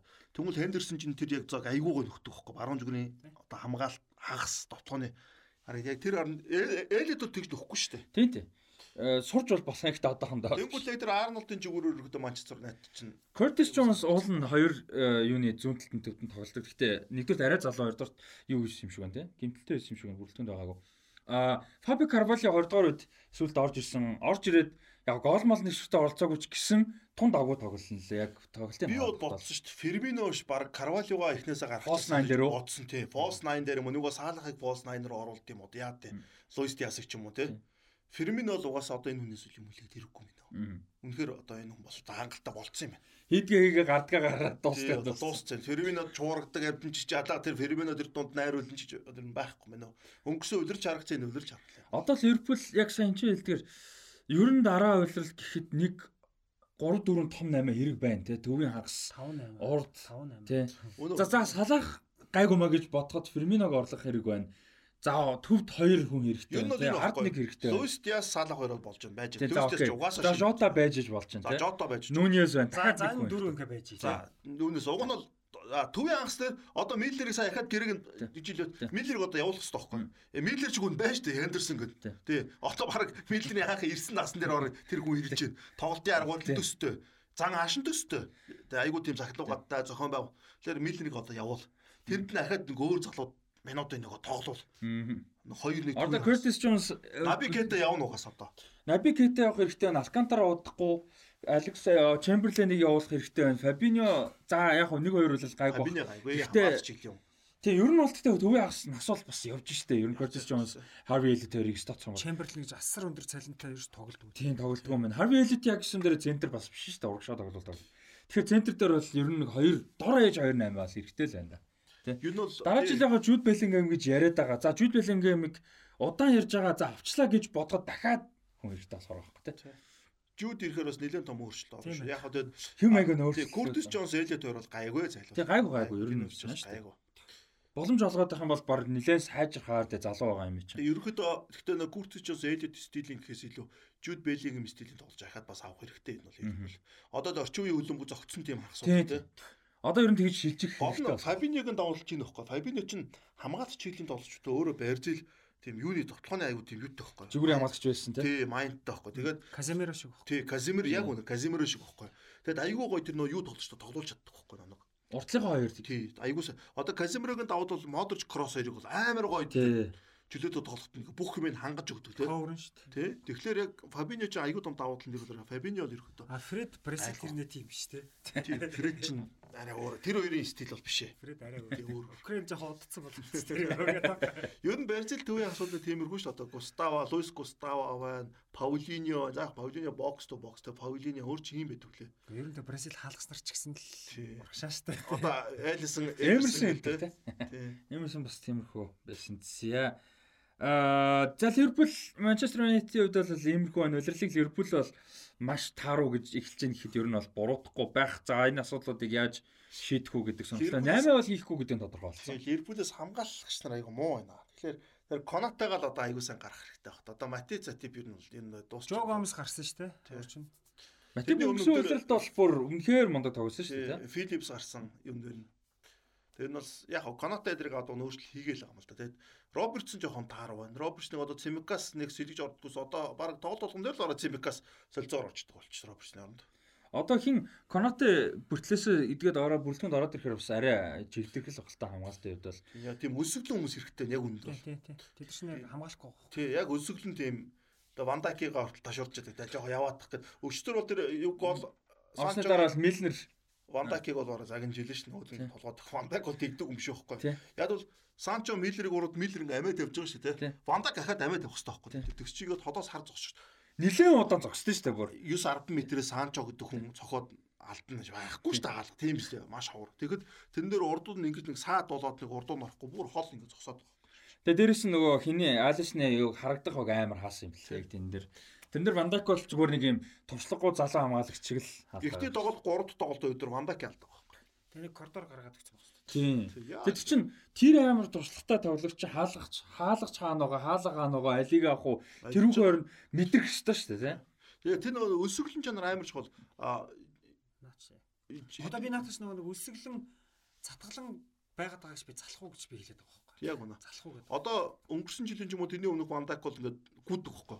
Тэгээгүү тэнгууд нэг жоохон цатгалан тийм хүмүүс ч юм бол ингээд за яах вэ гэдэг жоохон нэг тийм моментэн дээр алдаа гаргадаг. Тэнгүүл тэр ингээд гол болдог. Одоо тэгэд сайн байсан хүмүүсүүд энэ амар сайн мэдэрнэ нэ ч та. Одоо тэгэд сэтгэл зүй сайтай за дасчлуулын бүрэлдэхүүн өөрсдөө ч гэсэн сэтгэл зүй сайтай байгаад сэтгэлтэй байх юм бол энэ дээрээсээ босох хэрэгтэй байхгүй. Тэгээ энэ дээрээсээ яг Голопиг бод би гайг багч. Тэгээд хамгийн өсөглөн байгаа саалах. Тэрний гач ачаар энэ олон жил одоо зогсолтгүй Рональдо Месси ч бас давуу тал тэр ч үзсэн шүү дээ. Тэ. Амар шүү дээ. Аим тэр хоёр бол одоо ярилдаг. Тэгээ араас нь нэг Суарес Левандовски энэ шиг тоглогчтой орох бас Суарес Морес Златан зад хан задна ч болоос байхгүй юу тийм ба. Тий. Зогсно гэж байхгүй. Ургуада очоод бас лугад дээр гол ихэж явчихлаа. Суурас ч бүр бэлтгэл дээр алдах гэдэг гэсэн юм чи. Бэлтгэл дээр хүртэл тийм өсөглөн бүр тийм төрөлхийн тийм Ам тавьдаг те. өс өсгийн өс юу н арилааг өгдөг шиг. Тэр нэг хөл мөгдий талбай дээр амар зүв болоод байгаа байхгүй тийм. Тэгээ тэд тамирчин хүмүүс бол гоё хандлага шүү дээ. Тэр үлдээ хандлага шүү дээ. Тий. Айгуу зүг. Ялангуяа хөлбөмбөгч яг үндэ бол айгу богинохон карьертэй шүү дээ. Айгу богинохон дуустдаг. Тэгэхэд тийм одоо өсгөлэн чих юм уу да хандгүй. Тим сэтгэлгээтэй байж иж одоо саяны ярдгийн тоглогч чинь 34 5 зарим 38 9 одоо бүр Златан болдог хүртлээ ийм хэмжээнд тоглож байгаа. Одоо Жордан Лебро өдөр чи битүү өсөх юм тий. ерөөсөө байга өсөө өвчдөх гарч. Тэгээд өсөөд болохгүй нөгөө өдөгөө те бүр ингээд хурцлал хамт өдөг гарууд нь бүр ингээд бүр ядаж өгдөг өсөх гэсэн юу нь дийлдэггүй. Жордан. Жордан Коби хоёрын кино мөнөө юунууд нь дандаа тийм. Хажууд байсан гаруудын шаардлагуудын дийлдэггүй. Жордан Морч баг зогшааддаг өсөн ч зэрэг. Чинг тиг. Тэгээ тэд нар ч нэг тим хэмжээний тамирчин хүмүүс нөгөө амжил амьдрал бүх юма тэр карьераа уртсахад тэ амжилтын дээд хэмжээнд байлгахын тулд бүх юма зориулж яадаг те тэр бол бас мундаг л та хэр өөр юм чи тэгээд нөгөө нэг юу Кэйний талаар нэг нийтлээс юм а Harry Kane бас нэг тийм бүх юма ингэж нөгөө спортоор карьерийнхаа эргэн тойронд яадаг гэдэг тэгээд тэрэн дээр чихт ингээд жоохон ингээд сэтгэл мэдрэл одоо асуудалтай хэр муухай болох гэдэг юм л. Гэтэ нэг жоохон солиотой юм шиг юм obsession байдаг те юм донтолтын юу бэ? Тэгжээж ингэж нөгөө тэрийгэ гаргадаг гэд.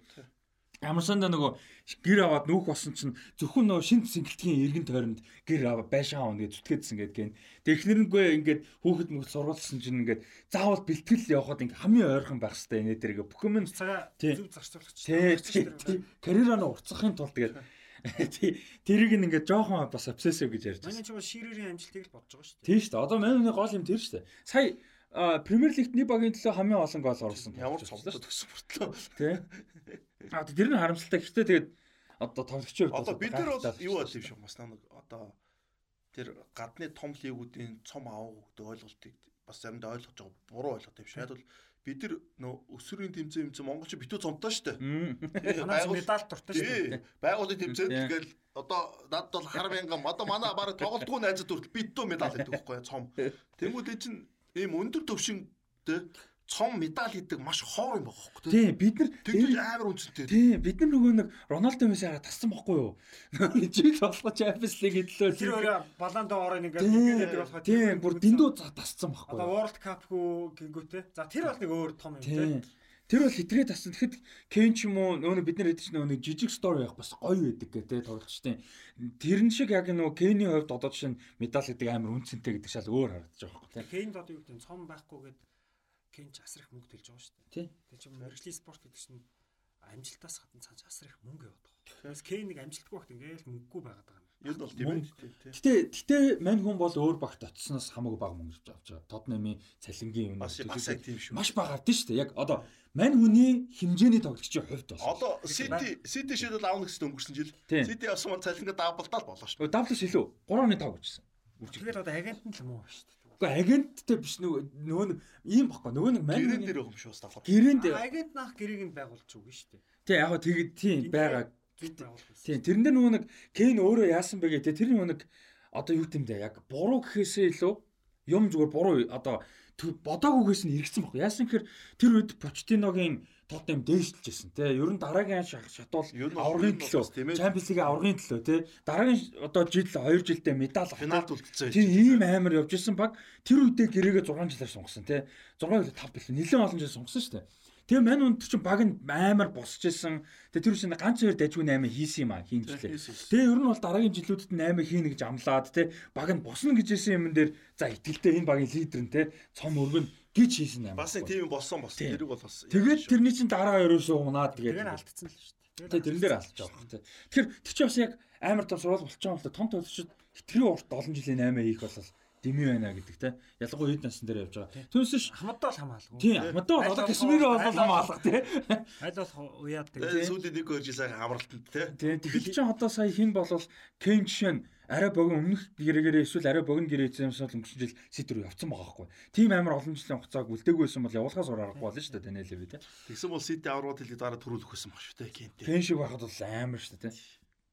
За энэ үрээд эхний хэсгээ өндөрлж байна. Аа Эхний хоёр хэсэг нь ороод нийлчихэж байгаа юм шүү те. Тэгээ одоо ер нь бол ингээд за одоо үлдсэн хэсүүд бол улирлаа харин. За тэгээд а энэ хэсэг дуусаас өмнө Web Sports Lounge-ийн хамт олондоо баярлалаа та бүхэн маань үйлчлүүлээрээ хаан хийс болон а юу нэ Times Square яг дунд байгаа шүү. Тэгээ ирж үйлчлэлээр өмнө ярьжсэнтэй бүх дугаар бүх юм байгаа. Энд дээр байх юм баг. Аа Карако байна, тоглоомнууд байна. Snooker байна. Snooker байна. PlayStation 5 байл шүү дээ. Нэр. Тэс тэгээ дандаа нэг хамгийн өндөр зэрэглэх. Зүгээр нэг одоо юу тавьчихсан биш. Ялангуяа тэр snooker мөкр бол тий. тий. Тэр бол гоё харагчлаа. Энд чи нэг а, нэг хоёр караоке гэсэн. Та хэд дээр бас нэг караоке гэсэн баг. Аа Цуг байж жаа. чи шанаа дараагийн. Аа зүг зүг. Just 2 3 аа. Тий. Тэгээ энэ хүрээд а эхний хэсгээ өндөрлж байна. ч одоо битүү карако гэдэг бодчих гэдэг. Баг караоке ч баг. хоёр юм бол байнга яриад байгаа шүү дээ. Тэгээ яаж яах вэ? Эхнээсээ хойш дандаа караоке зураг авдаг тий. А гэтээ юу бас байна тий. Айгуур сонирхолтой нэг караоке бичгийн давуу тал бас байна. Нөө саунд пруфтэй ингээд цураатаж мураатах энэ дээр асуудал багтай чинь дуу юунд зориулж Чанга дуудах хүмүүсийн ч үед бол тань тайлбар тийшэр чи энэ яг зөв болж байгаа байхгүй. Тэр бол их тал болж байна. За тэгэд энэ үрээд энэ хэсгийг өндөрлөлийн үзэгчтэй тэгээд сонсож байгаа хүмүүстэй ч гэсэн. За тэгээд дараагийн хэсэг дээр бол 2009-оос 2010 оны Европын хөлбөмбөгийн боловсролын талаар а, ярилцсан.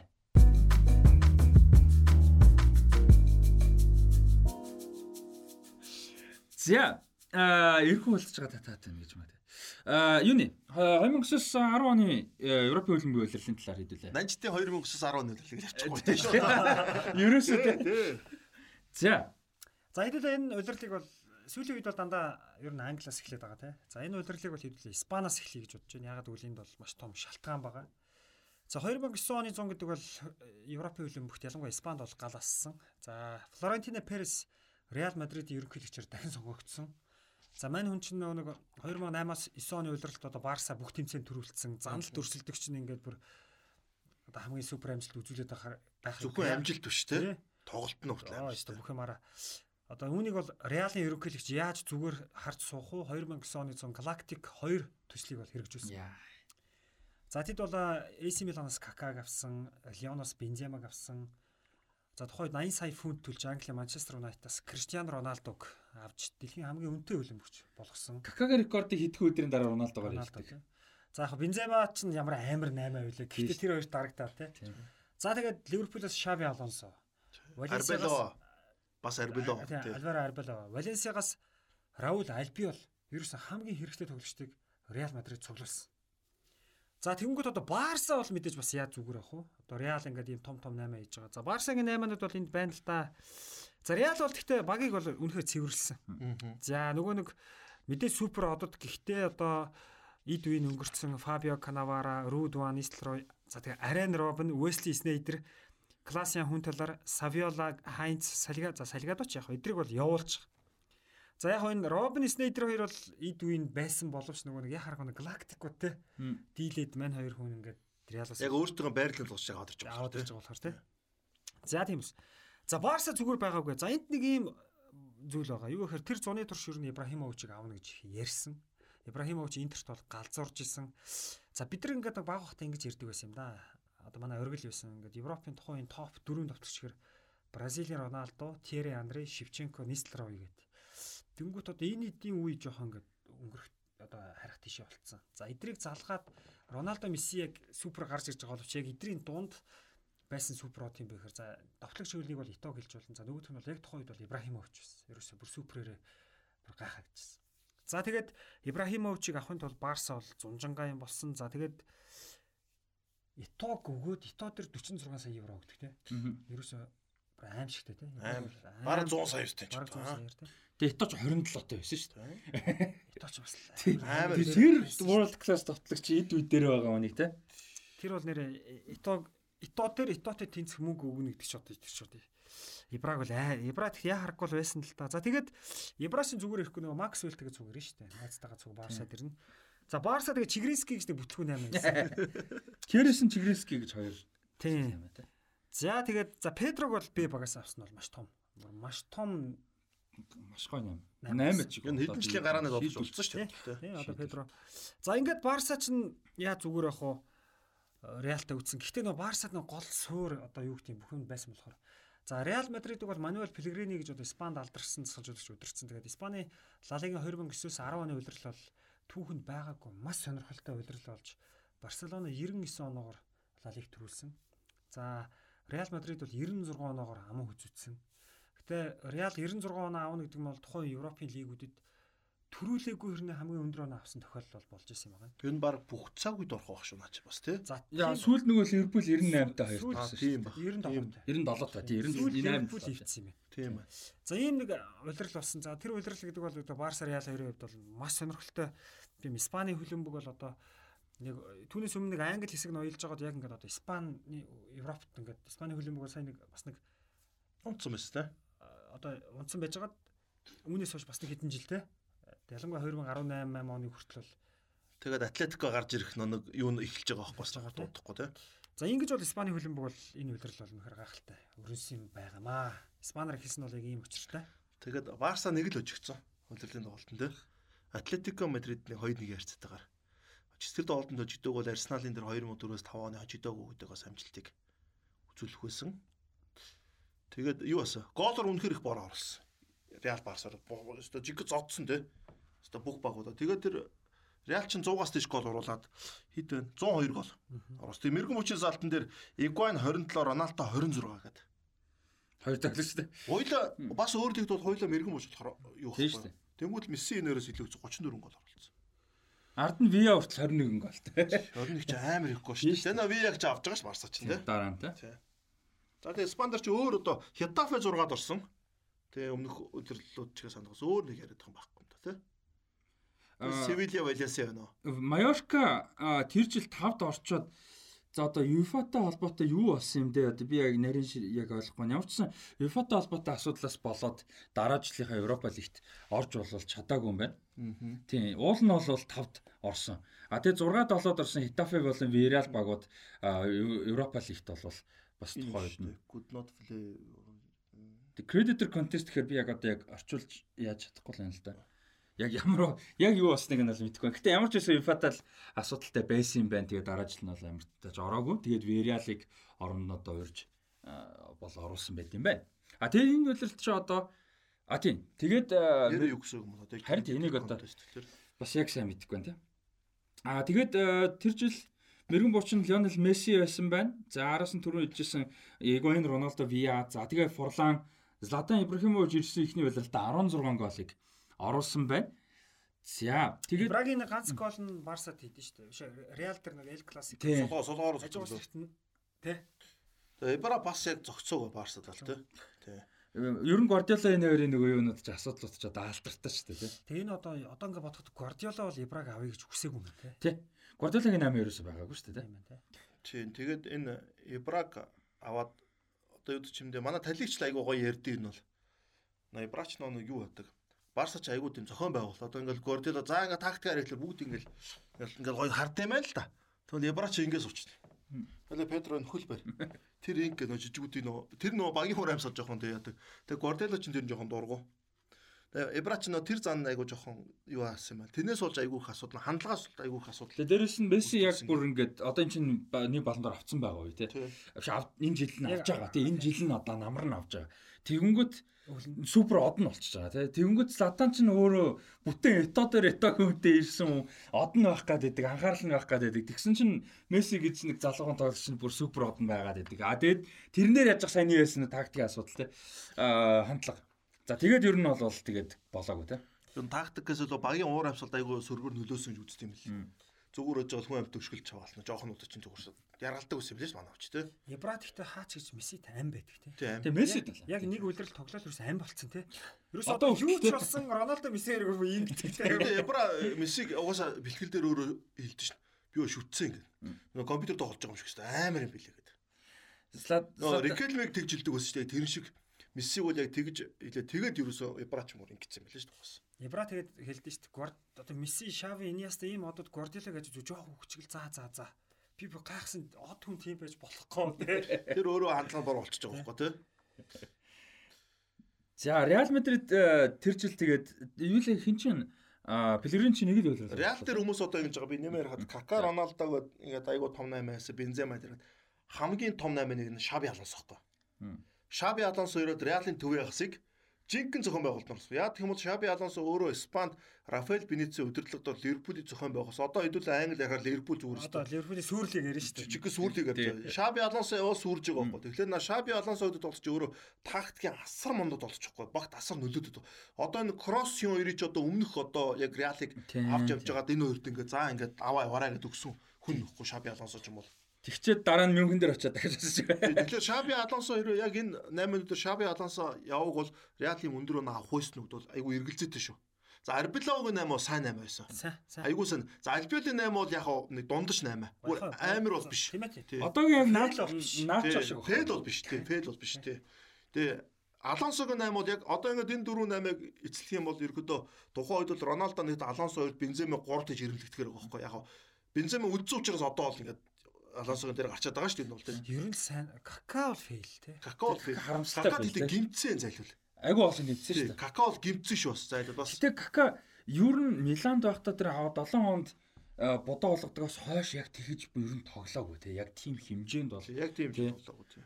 Тэгээд дэлхийн рекорд хийж ирэхээр байсан уу гэвэл яг залуу байсан, эд үдээ байсан болохоор яасан бох. Түүнээс биш яг тэр 7 хоноос хойш бол унтсан шүү дээ те. Яг унхан наашин жоохон буурсан бохгүй. Бүр бүр унханж бас хаашаа. Добины өдөр шиг биш байхгүй нэг жоохон жоохон ингээ буураа. Тэгээ баган ч нэг яг үнээр Милан ч өөрөө мангар хөгшөрцөн байсан байхгүй. Тий. Тэгээд эхний жил бол Бензема их муу тоглолт шүү дээ. Цөөхөн гол. Роналдо цагнуусаар гадардаг тий. За тэгээ эхний жил ах Кака гинтээд хоёр дахь жилээс нөгөө Морино ирээд Какад боломж олгоогүй л дээ. Жохон тэгцэн. Хэрвээ зүгээр одоо юу гэдэг нь өөр дасгалжуулагч байсан бол бас магадгүй Какатай тий. Бас өөр хандах байсан бах. Ер нь бол Кака найруулад Роналдо жигүүртээ гараад Бензема нөгөө жигүүрт нь одоо сүүлд бол Димари ирдэ шүү дээ тий. Сүүлд нэг хүн тоглоод тэгээд Алонсо төвд нь ихтэй бол айгүй гоё гараа авахгүй уг нь бол тий. Тэгээд Кака бол яг зайл үнэхээр их гимцээ яг үндэ бол бас. Тэгээд Морino жигүүр хамгаалтын суулж авчираад Какагийн нөгөө довтлдог хүмүүсээс ингээд кат хийж байгаа шүү дээ. Тэг залыг Какаг авчиж байгаа. За Испанд бол ийм болсон. За Английн хөлбөмбөгийн тухай бол их зүйл ярина. За мэдээж Английн авраг авсан хэдүүлээ эхлээд Челсигийн тухай ярьчээ. Челси бол 2000 9 оны 100 бол мэдээж дасгалжуулагчаас байсан. За Гүс Идинг бол төр дасгалжуулагчаар өмнөх хөлрлийг бол дуусгасан. Карло Анчелоти гэж яг мундаг мэрэгчлэлтэн Миланаас Анчелотиг авчирсан. За Челси тэр 100 бол нөх онцгийн өөрчлөлт хийгээгүй. За Старижиг авсан, Жирковыг авсан, Матичиг авсан байна. За тэгээ явуулсан нь Шевченко, Писаро. Матич аа. Матичиг авсан байна. Аа? 9 онд авсан шүү дээ. Тэгээ Матич яага нөгөө Матичийн ярилцлага байдаг шүү дээ. Мань үний нөгөө сүүл Аа, жоохон явуул дараа нь явуулчих дахиад авдаг нь биш. Өмнө нь авдаг. Наа зүү зүү. Тий, тий, тий. Дараа нэг сүулт авдаг шүү дээ. Буцаагаад дахиад Бенфикагаас авдаг. Тийм, буцаагаад дахиад. Буцаагаад. Тэр нь биш нөө өмнө нэг жоохон Сүүлд нөгөө нэг. Тий, нөгөө Премьер лиг төрүүлчихэд ингээ анх удаа төрүүлсэн юм шиг би өмнө төрүүлээд энэ ч байсан шүү дээ гэж ярьдаг. Тэгээ ярилцлага байдаг шүү дээ. Буцаа байсан тий. Старич бацаа Ситигээс нөө цэвэрлэгээл явж байгаа шүү дээ тий. Тэгээ одоо юу гэдэг ингээд Челсигийн бүрэлдэхүүн харахад явуулсан хүмүүс ч нэг бацаан гэж ярьдаг хэдүүлээ байлээ тэхүү. Жоохон хүүхэд байсан. жоохон хүүхэд Залуу гэдэг байсан. бацаан гэж ярьдаг хэдүүлээ залуу байсан тий. бас борох за. Тэгээд юу Челсигээс одоо нэг явуулсан хүмүүс ч нэг нөлөөлөд авах хүмүүс ч биш. Авчирсан хүмүүс ч нэг актер нөлөөлөд. Олон онц үржилт бол ийггүй шүү дээ. тэнгууд Челси Англид бол байсан мундаг тогссон. Одоо Карло Анчелоти бол ямар одоо мен менежмент вэ гэдгийг харуулж байгаа байхгүй. Челси бол э, хамгийн олон буюу 103 за Манчестер Юнайтийн 3 дараалал төрүүлсэн байсан төрөв зогсоосон. Тий. 4 дараалал төрөв нь зогсоосон. За тэгээд э, лигт хамгийн олон буюу 103 гол хийж рекорд тогтоосон. За түүнээс гадна талбайда хамгийн олон буюу 68 гол оруулсан байна. Голын зөрүү нь 71 буюу хамгийн өндөр амжилт тогтоосон. Ямар амар. За тэгээд э, нэг тоглолтод дунджаар 271 гол оруулж исэн. Айгуу тийм нээлттэй гоё хөлбөмбөг үзүүлсэн байна. За Мориногийн Челси 2005 6 он төрүүлэхдээ нэг тоглолтод хийдэг дундаж гол 189 байсан байна. Үүнийг бол ингэж ахиулсан юм байна. За мэдээж энэ удирдал хамгийн сайн тоглосон бол Дрогба 29 гол хийж лигийн мэрэгэн болж авсан. За Анчлотигийн баг хэдийгээр аврагуудын лигт Интерт хожигдсон ч гэсэн Премьер лиг аваад холбооны цом аваад ерөөсөө нэг улиралд Англидаа дубль хийсэн 7 дахь баг болсон юм байна. Тэгээд Челси клубын түүхэнд ерөөсөө хамгийн амжилттай улирал болсон юм. Яг бол түүнээс өмнө Челси аврагуудын лиг төрүүлээгүй байсан. Энэ клубын одоо олон жилийн түүхэнд хамгийн өндөр амжилттай улирлыг Анчлотигийн удирдлагын дор үзүүлсэн юм байна. Тохон зүг үедээ тий. Манчестер Юнайтед Карлос Тевисийг Сити рүү явуулсан. Роналдог Реал руу явуулсан мөртлөө юутай Челситэй авраганд лаган мань утсан. Энэ хоёр 33 дэх 34 дэх хоорондоо тоглоод. Юнайтед талбайдаар тоглоод Сити юу Челси 2-1-ээр хождог тоглолт. Тэн дээр эхнийг бол Жоко Жоко Жоко оди Жоко Дрогба олиг Дрогба хожлын гол. Дрогба тэгтээ сэлгээр гарч ирсэн санагдаад байгаа тоглолтын дээр. Аналькагийн оронд. Гимтэлтэй байж байгаад ирлүү ямар ч сан тэгдэй. Тэгээд Дрогба хожлын голыг хорлоо. Тэгээд Манчестер Юнайтед дараа нь яжд Блэкбурнтэй тэнцэждэг байхгүй. Тэгээд Челсигийн ерөөхдөө зам нь гэдэг хайг болоод. Челси нэг удаа Тоттенхэмд дэжгтээ. Тий сүү- тий Нийлэн сүүл рүү. Тэгтэл авчиж чинь те. дээр нь авч байгаа. Тэгээд Сити чинь Тоттенхэм тожигдсон гоо дараагийн 3 тоглолтын дээр бараг 20 гол оруулж байна. Яаж вэ? Веган меганы ч алдаг шүү. 8-0. Тий, Вигнэ нэ. Стокч 7-0 л 6-0 ба 6-1 ч л бас нэг тийж хожжтэй. Тэгж Челсиж авдаг баг шүү. Тэгээ нэг онооны зөрүүтэй тий. Тий. Нэг л он. Тэгэхээр Манчестер Юнайтед бол бас том зангараг байна те. Тэр мэрэгэн буучтаа явуулаад яг нь Юнайтед бол Ситид 8 хийсэн л дээ. Яг нь Майкл Оуэн, Антонио Валенсиа. Тэгтээ тэд нар бол нөх айхтар юу бол бас. Валенсиг яг Роналдогийн байрыг орлуулах гэж авчирч байгаа шүү дээ энэ бол тий. Баруун зүгэр тий. Тий. Тэгээ Оуэн бол 7 дугаарыг авч байгаа шүү дээ. Тий. тий. Тэгээд За заяар За энэ удиралт урам хугалсан хоёр баг байгаа. За нэг багийг би жоох ихлүүлээд заяараа шилжүүл заяа гоё. За Ливерпул. За Ливерпулийн хувьд бол мэдээж хамгийн гол Шаби Алонсо явчлаа тий. За түүнээс гадна Хипиа, Арбелао нар явсан. За авсан нь бол Глен Джонсныг Портсмутаас нэлээд өндөр үнэтэй авч исэн баруун хамгаалагч. За Сотирис Криакос гэж грек хамгаалагч авсан. Макс Родригесийг авсан. За хамгийн гол нь Алонсог орлуулах гэж Ромагаас Альберто Аквиланыг авсан боловч мань хүн фейлдсэн. фейлц. За ингээл Ливерпул бол тэр үлрэл бол Андре Ворон байгаа надад ч бас. Ворон нь 10 дугаартай. Ворон явж байгаа. Явж байгаа байлаа тий. За Ливерпулд юу болсон юм бэ? Бацаа яриач ээ. За Ливерпул одоо ер нь бол Рафаэл Беницийн яг бүрэлдэхүүнд бол Ливерпул угаасаа юу нэмгэн байсан. Бүрэлдэхүүн бол үнэхээр нэмгэн бүрэлдэхүүнтэй байсан. Беницийн удирцсан 6 дахь. Тий. Реал- Тий. Ливерпул. Ер нь Ливерпул бол яа Беници яхав ингээд юмхнаар айгуу сайн юм ийг явуулсан. Тэгээд эцдүүд нь яг ингээд хүссэн мөнгөний гараад хүссэн тоглож чинь авчирч өгдөр асуудал гараад. Дээрээс нь юу бат өгсөн. Одоо 8-нд нь оролцоод одоо Робби Кимич өөрөө хүсээгүй тоглож чинь авчирч байгаа байхгүй. Тэгээд нөөцийн фейлчдэг тий. Тэгээд Беници хувьд бол бас тийм асуудал байсан юм нь бол. Тэгээд яг хаа 6 жил гэдэг бол урт хугацаа авахгүй асуужуулагч хувьд бол. Тэгээд Беници ч гэсэн өөрөө яг энэ дэр юуг харуулсан л та одоо үнэхээр бүрдгүүн нэмгэн байсан. Тэгээд а Шаби Алонсог Рафаэл Беници өөрөө гар баарыгаар орлуулсныг Алонсо ч гэсэн за би явъя да гэдэг бас юу? Бас хөдлөгцсөн. Тэгээд Алонсо яг тухайн үед нь бол Реал Мадрид Галактико байгуулж байгаа гэдэг яг угаасаа Испанд олжтой авчрах гад Ливерпулээс Арбело оюун хэрэг авдээ. Алонсо тий. Тэгэл Арбело ч бас айгүй чухал болж өссөн шүү дээ Ливерпулд. Айгүй сайн бол. Яг бол хоёр жигүүрийн хамгаалалт хоёуланд нь гарч төгсөн байхгүй. Тийм ээлж гарч чад. Тий. Тэгээд Ливерпул Глен Джонсон, Глен Джонсон бол сайн амиа суун байжгүй байсан тий. Тэгээд төвийн хамгаалтан дээр ер нь бол Ливерпул ингэж явахгүй өмцөм ахуулж байгаа. Төвийн хасаар Алонсог Акуленагаар орлох гэж үзэж байгаа.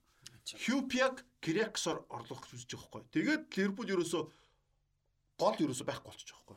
Одоо Фергюсны хэлсэн үг чинь төвийн хамгаалагч төвийн хагас яг энэ байрлал хамгийн чухал. Жигүүрүүд бол гайгүй те. Жигүүр дээр ингээд ингээд хүн орлуулад ингээд яа те болдог. Энэ байрлууд дээр ингээд сайн тоглож байхгүй бол энэ бол баг явдаг. Яг энэ тохиолдол гарсан Ливерпул дээр. За Машарана байгаа. За Машарана угаасаа сайн тоглож хамгаалтан дээр. Машаранатай зүг Аквиланы байхгүй Лукас Лева төв байх хэрэгтэй гарч байгаа. Бүтэн чанж байгаа зайлал хөөрхөн юм. Лукас Лева. Тэгээ Жерард болохгүй бол аршаад тоглож байгаа. Тэгвэл урд тоглооны хагас дээр асуудал хүн байхгүй. Гурлаа өмнөх нэвтрүүлэгт хэлсэн шүү дээ. Машерано, Алонсо, Жирард гэхэр үнэхээр супер Ливерпул Тий. тий. Тий. Гэвч одоо ингээд энэ гурван тулгуурын нэг нь байхгүй болчихсон. байхгүй болчих жоохоо. Тэгээд дээрэс нь Фернандо Торрес яг л уламжлалсаар өдөрлийн бас 10 хэдэн тоглолтод оролцоог. Өмнөх өдрөл дээр бид тэрээс дутуу ирсэн мөлий. Фернандо Торрес чи гимтэлтэй Дрогба тэр хоёулаа гимтлээ тий. Фернандо Торрес за Дрогбагийн гимтэл яа Челсид бол нөлөөлөх бас байгаа л да. Гэхдээ ерөөдөө Челси ч нөөцтэй бохсон байхгүй. Ливерпул ч Торрес гимчгэр ямар ч нөөцгүй байхгүй. Тэгээд Торрес гинтээ цөөхөн гол оруулаад Ливерпул мөнгө авч байгаа шүү дээ. Аюулгүй сайн тоглосон байгаас Торрес нь тэгж гимтэж хагаад энэ жил бас Торрес ялгаа байхгүй. Тэгээ сүүлдээ бүр Торрес ч тэр үлрэлийн дундаас байхгүй. Ливерпул угаасаа нөө нэмгэн бүрэлдэхүүнтэй багийн оноо алддаг үе яг нөө нэг Десембер, Жануар байхгүй. 12 сар 1 сар байхгүй. Ливерпул дандаа 12 сар 1 сард хамаг оноогоо алддаг. Яг энэ үлрэлдээ бүр бүтэн алдаад. Тэгээд ерөөхдөө Фернандо Торрес бүтэн удирдлын турш ерөөсө бүх тэмцээнд 32 тоглолтод л оролцсон юм. Яг гарааны давтагчид болох энэ бүх тэмцээнд 32 гэдэг бол маш бага шүү дээ тийм. бүх Тэр тэмцээн Премьер Лигт 22 тоглолтод оролцоод 18 гол хийсэн. Ань юу яг оролцсон тоглолтондоо бол амар байгаа тийм. Тэгэхээр Торрес хувьд бол яг тийм асуудал нь жил болгон байдаг байсан л да. Дээрэс нь зайлуу энэ чинь нөөцгүй юм чинь тоглолт болгон дээр л Торресыг гаргадаг гэсэн угаасаа. Тэгэхээр тэр тоглолт гимтг нь харахгүй байхгүй. За тэгээ Сэлгэн Нгог Давид юм. Ингол 37 тоглолтод бүх тэмцээнд оролцоод 8 илүү гол. тоглосон байна тий. Илүү тогс. 10 хэдэн тоглолт. Тэгэхээр бодолтой. Баг Ливерпулийн гарааны товтлогчоор за Торрес байхгүй дээ Ингог гарч ирлээ. Энэ багийн нөөц ямар муу гэсэн. Тийм үстэй. За Бодолтой. За Торрес за Ингог биш юм ахт Воронын за Вороны дээр бол нөхөөгүй байхгүй. Юу нь бол бас нэг Гайгүй гайгүй явцсан явцсан. Тий, ер нь бол гайгүй яг өмнөх хөлөр төрөл байсан шүү. Ер нь бол гайгүй бас довтож байх хэрэгтэй байхгүй. Тэгээ болохгүй бол дээрхгүйд мүдэ чи заримдаа төвөнд довтож болчиход тоглолдог. Хүйт 10 гол хийсэн байна. Баб- Бабл 11 шүү гол. Тэр Райан Бабл. Бабуштай орон гараа орон гараа. Тийм, Бабус бас гол эврэг гол шүү. шүү. Тийм гол. Бас эврэг. Айгүйх ус. За тэгээд э, Ливерпулийн хувьд бол ерөөсөө улирал бол эхнээсээ л бүтлгүй байсан. Намар аврагын лигийн эсгээс шатнаас гараагүй. Одоо Явитич байгаад Фиорентинад Болоод хоёр нарталт шүү дээ. За тэнгуүтээ он гараад Английн цомын тэмцээн 2 дугаар 3 дугаар шатанд Reading гэж доодлигийн багт хожигдоод ер нь Венецийн нөхцөлөд их хүнд болсон. За Премьер лиг бол орон гарan байжгаад 7 дугаар ойрт орсон. Энэ нь бол Ливерпулийн сүүлийн 11 жилийн хугацаанд үзүүлсэн хамгийн муу амжилт болсон юм байна. За тэгээд энэ удирдал дуусангууд клубын удирдлага бол Рафаэл Беницийг бол яхааргүй чөлөөлсөн. Юу- Бени Беници гарт хүзэрч энэ олон жилийн хугацаанд муу байсан. Гэхдээ мань үе арга барилч ер нь жоохон Тосрогцсон. тий жоохон тийм юуруу орсон. За ингээл Ливерпул энэ удирдлын одоо нэлээд тийм хүлээлтээс нэлээд доогоор явсан баг бол Ливерпул байсан. Аргуудын лигээс хэсгээс 3-аар мултраад Европа лиг руу ороод шүүгэн дөрөв. Тий. Тий. Европа лигт бас төрүүлж чадахгүй шүү. Бас чад. Атлетико Мадрид. За уран хугалсан өөр нэг баг байгаа. Манчестер Сити бол 2008 оны 100 яасан бэ гэдгийг бид нар ярьсан. За Манчестер Сити 2 дахь 100-аа бол мундаг одоо жинхэнэ Английн топ баг болох зорилт тавьсан. За Гарет Барыг Арсенал лагсан. За Санта Крусыг, Карлос Тевесийг, Адабайрыг Арсеналаас сайн байсан үе шүү дээ. За Коло Түрэг Арсеналаас. За Сильвиниог Барсагаас, Лескотиг Эвертоноос бас сайн байсан. Сеско шигшээ тоглолдог. За Виараг Интерс айн чах. За Адам Джонстыг энэ 100 авсан юм байна. Ингээд Манчестер Сити чинь ерөөсөө Английн топ 4-т орох маш том амбицтай байсан. За удирдлын ихний дөрөв тоглолт дараалал хоцсон юм байна. За ерөөсөө Сити энэ жил топ 4-т орчлоо. Би одоо ингээд ботход бас яг л Сити гоё эхэлчихсэн. За 5 дугаар тоглолт нөгөө 9 дугаар сарын 20-ны өдөр Манчестер Юнайтедтай тоглодог. За одоо бараг л госно гэл те. Тэгээ нөө юу болдог вүлээ? Ноо. А сүүлд 4 3 тий. 4 3. За тэгээд э, Ма- Майкл Оуэн Манчестер Юнайтед юм баг Оуэныг Юнайтед бас карьер том тоглолтуудын нэг. Тий. За ингээд Манчестер Юнайтед хожигдсон үүнээс хойш Ситигийн бүх юм болохоо болсон. За үүнээс хойш Сит 11 тоглолтонд байна шүү дээ. Ердөө 2 хуудаа очоод 8 тэнцэд нэг хожигдсон юм. Ингээд хамаг оноогоо алдаад тэгээ яа харахгүй 2009 оны 12 дугаар сарын 9-ний өдөр клубын удирдлага Марк Хьюзийг бол халаад угаасаа Хьюз сайн салжуулагч биш шүү дээ. Биш тий. Тэгээд Роберто Манчиниг авчирсан юм. За тэгээ Манчини ирсэн Манчини ирээд удирдлын төгсгөлийг бол нэлээд давгүй байсан боловч топ 4-т орч чадаагүй. Аврагын лиг ирэх авч чадаагүй. За ингээд энэ удирдалт бол ерөөсө урам хуга- хугалсан хоёр баг нь яа харахгүй Ливерпул нөгөөх нь Сити. За эсвэргээрээ одоо юу вэ гэхээр ингээд аврагын лигийн эрхийн нэг байр гараад ирлээ. За Манчестер Юнайтед, Челси, Арсенал 3 ингээд авчна.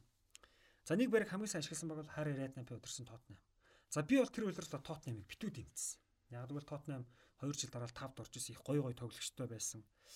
За тэгээд Павличенко, Роби Кин, Питер Крауч, Дефо гэсэн дөрөв давтлагч бол үүргээл яг нөгөө Тоттенхэмийн нөгөө дөрөв давтлагч байдаг. Тий. Би бүр энэ удир Тоттенхэмыг дэмжиж яасан бэ гэхээр Тоттенхэм Сити хоёрын нэг тоглолт хойшлцсан.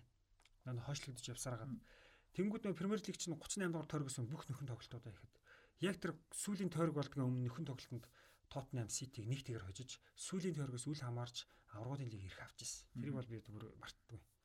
За ингээд Тоттенхэм гэдэг клуб бол сүүлийн 20 жилд хамгийн том амжилтаа үзүүлж аврагын лиг ирэх авах болсон да. Англид бол ийм болсон. Байна. За та хэд маа тэгээд Тий. Харри Реднап тэгээд нөгөө 4 4 2-оор тоглодог. Яг нөгөө дөрөнд товтгочоо. Сайн 2 2-оор нь гаргаа шүү. Яг ээлжилдэг тий. Тий. Тэгээд үнэхээр өндөр зэрэглийн дөрөнд товч. Дефо ч баг дөрөвд сонголт байсан шүү тий. Робикин Дефол гол хамгийн их хийсэн. тий. Гэхдээ Робикин Крауч, Дефо нүүд нэг гэсэн байна. Павличенко. Павличенко. А Бодоженко ч дөрөв сонголт нь болж таарч байгаа тий. Тийм байна, тийм байна. Би нөгөө энэ Бербатов толгоонд орж солиороо тий. Бербатов ч юунд байгаа шүү дээ. Яг л дөрөв сайн тоглож байна тий. Яг дөрөвсөн. Тэгэд энэ Робик номер нэг сонголт байсан тий. Тэгээ Гарет Бейлийн яста яг цоорж исэн. Бэйл бол амар байсан шүү. Яг зүүн зүгээр хамгаалагч. Яг дараа үлрэл нь бол Бэйл бүрээс алдсан шүү дээ. Тэгээ дараа дараа үлрэл бол алдсан шүү дээ бүрээс. Цахилгаан Бейл болсон шүү дээ. Тэгээ Модрич ч үстэй энэ үед.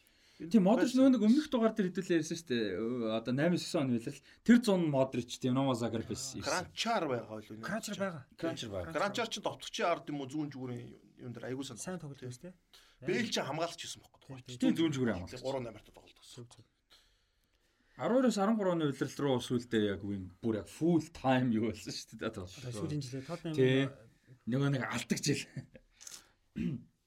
Одоо энэ Тэгээ Англи хөлбөмбөгт нэг гой гой юм болдог шүү дээ. Адебайер ч 100 Арсеналаас Ситид өцсөн нэг намар нэг гол хийгээд үг. Тий. Ингэж юм гэсэн бүтэн нөгөө нэг Арсеналын фэнүүд рүү зорж очиж урд Тэр нь аягүй тэнэг баярлдаг. үлдсэн Тэр тий. тэнэг үлдэл. Ста тэнэг үлдэл тий. Адебаярд бол Арсеналын манатад бол нэх амар дургу бол биш байгаагүй шүү. Тэрнээс л бүр үзэн яддаг болц тий. Үзээд төгстэй. Тэр арай заяагаар тайлбарсан баг. Би тайлбарсан тайлбарсан. Тэр арай сонин үлдэл тий. Яах гэж юу тэгэж тэгэл Тэгэхээр тухайн үед Адибаяр явхад яалаа. Арсеналаас яг нэг угаас явхад угаас юм гардаа шүү. Тийм л болсон шүү. Мм. Тий. Тэгэл одоо яг тэр үе чинь нөгөө Венгрийн Арсеналын одоо одоо юу гэдэг Арсенал 2004 оноос хойш Премьер лиг төрүүлээгүй л дээ. Гэтэ юу гэдэг бас гол өршөлтөгч байсан байхгүй. Яг энэ үеэс Арсеналын өршөлтөх чадвар яг буурсан шүү дээ. Мөнгөгүй зайлвал тий. Сити чинь хамаг тоглолтын зөөдөг болцсон тий. Одоо дараа нь Насри Масри гэдээ явна шүү дээ. Ингээд Арсеналыг ер нь нилээ Арсенал харахгүй байна. Яг нэг хөл өмбөг бус багууд нэг мөнгөтэй болоод их чад Арсенал нэг шин цэнгэлтгээс болоод химэлтийн горимлын орсныг буруутсан байхгүй над чи тэгэл Венгерийн карьерд ч бас нөлөөлөө. Венгерт үнэхээр супер мэржлэн тийм бүрэлдэхүүнээр тийм баг цалинтай тоглогчдоор баян дөрөв Жил болгоо. амар шүү дээ. агуу тий. Аа, Агуу амар. байхгүй. Тэр нөгөө бүрэлдэхүүнүүдийг харахаар бас амар шүү дээ. Тэр олон жил Тэгээд дөрөвтэй. хачаач нөхдөд гаргаад ирэн тэ. Хин бэ юм бэр тий. Wenger чинь тэгээд нөгөө нэг юу яадаг байсан шүү дээ. Тухайн санхүүгийн fair play гэдэг зүйлийг бол яг ингээд тогтоо гэдэг сандлыг маш их хэлдэг байсан шүү дээ. Яг бол Chelsea, City гэдэг баячуудтай. За United бол угаасаа л баян байсан л да. Юнат харахгүй Фергюсон чинь нэр баян байх нөхцөлийн тэгээд бүрдүүлэх өгч байгаа юм чи. Тэрэн дээр нөгөө удирдлагууд нь сайн ажилласан л та бизнес тал дээр. Маркетинг тал дээр тий. Одоо дэлхийн хамгийн баг алдартай байгуул Юнайтед одоо стил баг хэвэндээ шүү. Тий. Яг брэнд гэдэг талаас нь бол United нэг талаар Тий нэг орд тий. Яг бизнес талаас нь бол. Тэгэхээр бүх төрлийн партнер байдаг шүү. Дээр мэр аймс юу юу гэх. Ерөөсө бүтээгдэхүүн байж бол бүх юмнаар аль бизнес партнер. Тэгээд Манчестер Юнайтед чинь дараа нь дандаа супер одууд модууд байгаа. Одоо Роналдо Марналдо гаргаж ирэх бүр бүр ингэчихэж байгаа байхгүй. Роналдо ч ямар мундаг маркетинг юм бэл тий. Тарахгүй л одоо ингэж баг нь мяарж байгаа хүртэл одоо нэгд байна гэдэг бол энэ бол а, мундаг босгосон юм байгаа мó энэ бол. За тэгээд Tottenham дөрөвт ороод ерөөсөө нөгөө топ 4 бол 2005 оноос хойш тогтцсон байсан юм байна. 4 жил. Энд бол тэгээд завсар орсон. Ливерпул мултраад. Тэгээд Ливерпул үүнээс хойш ер нь бас нэг Клопыг яг автал. За Рожерс нэг жил юу яасан? Ер нь бас нэг хитэн жил бол бас жоохон муу байсан те. Манчестер Юнайтед Роналдо явуулж байгаа Тэвэс гээд одоо товтлооны айгүй гой одоо том сонголт явуулаад Фергюсон яг нөө Пакчисон өдрөг нөөцүүд байсан л та. Гэхдээ юу авч байгаа? Габриэл Обертаныг бас авч байгаа. Габриэл Обертан хин хоёрыг Валенсиа хоёрыг яг ингээд хөгжүүлээд авчихна гэж бодсон шүү. Тэгтэл амар тэгж явуулчаад Челситэй алдсан гэдэг бас тий. Тэгээд юу яасан? Бас нэг гол нөлөө нь Роналдо янгот Рүүни их гол хийж эхэлсэн. А наны айгүй сайжирсан. Наны сайжирсан. Сайжирсан. Рүүни олон гол хийсэн байгаа да. А Wayne Rooney а, юу мэрэгэн учир 2 тас 26 гол авсан. Дрогба нэгт. Drogba 29 а, нэгт Wayne Rooney 26 тэгээд дараа нь Darren Bent 24. Tevez 23, Lampard 22.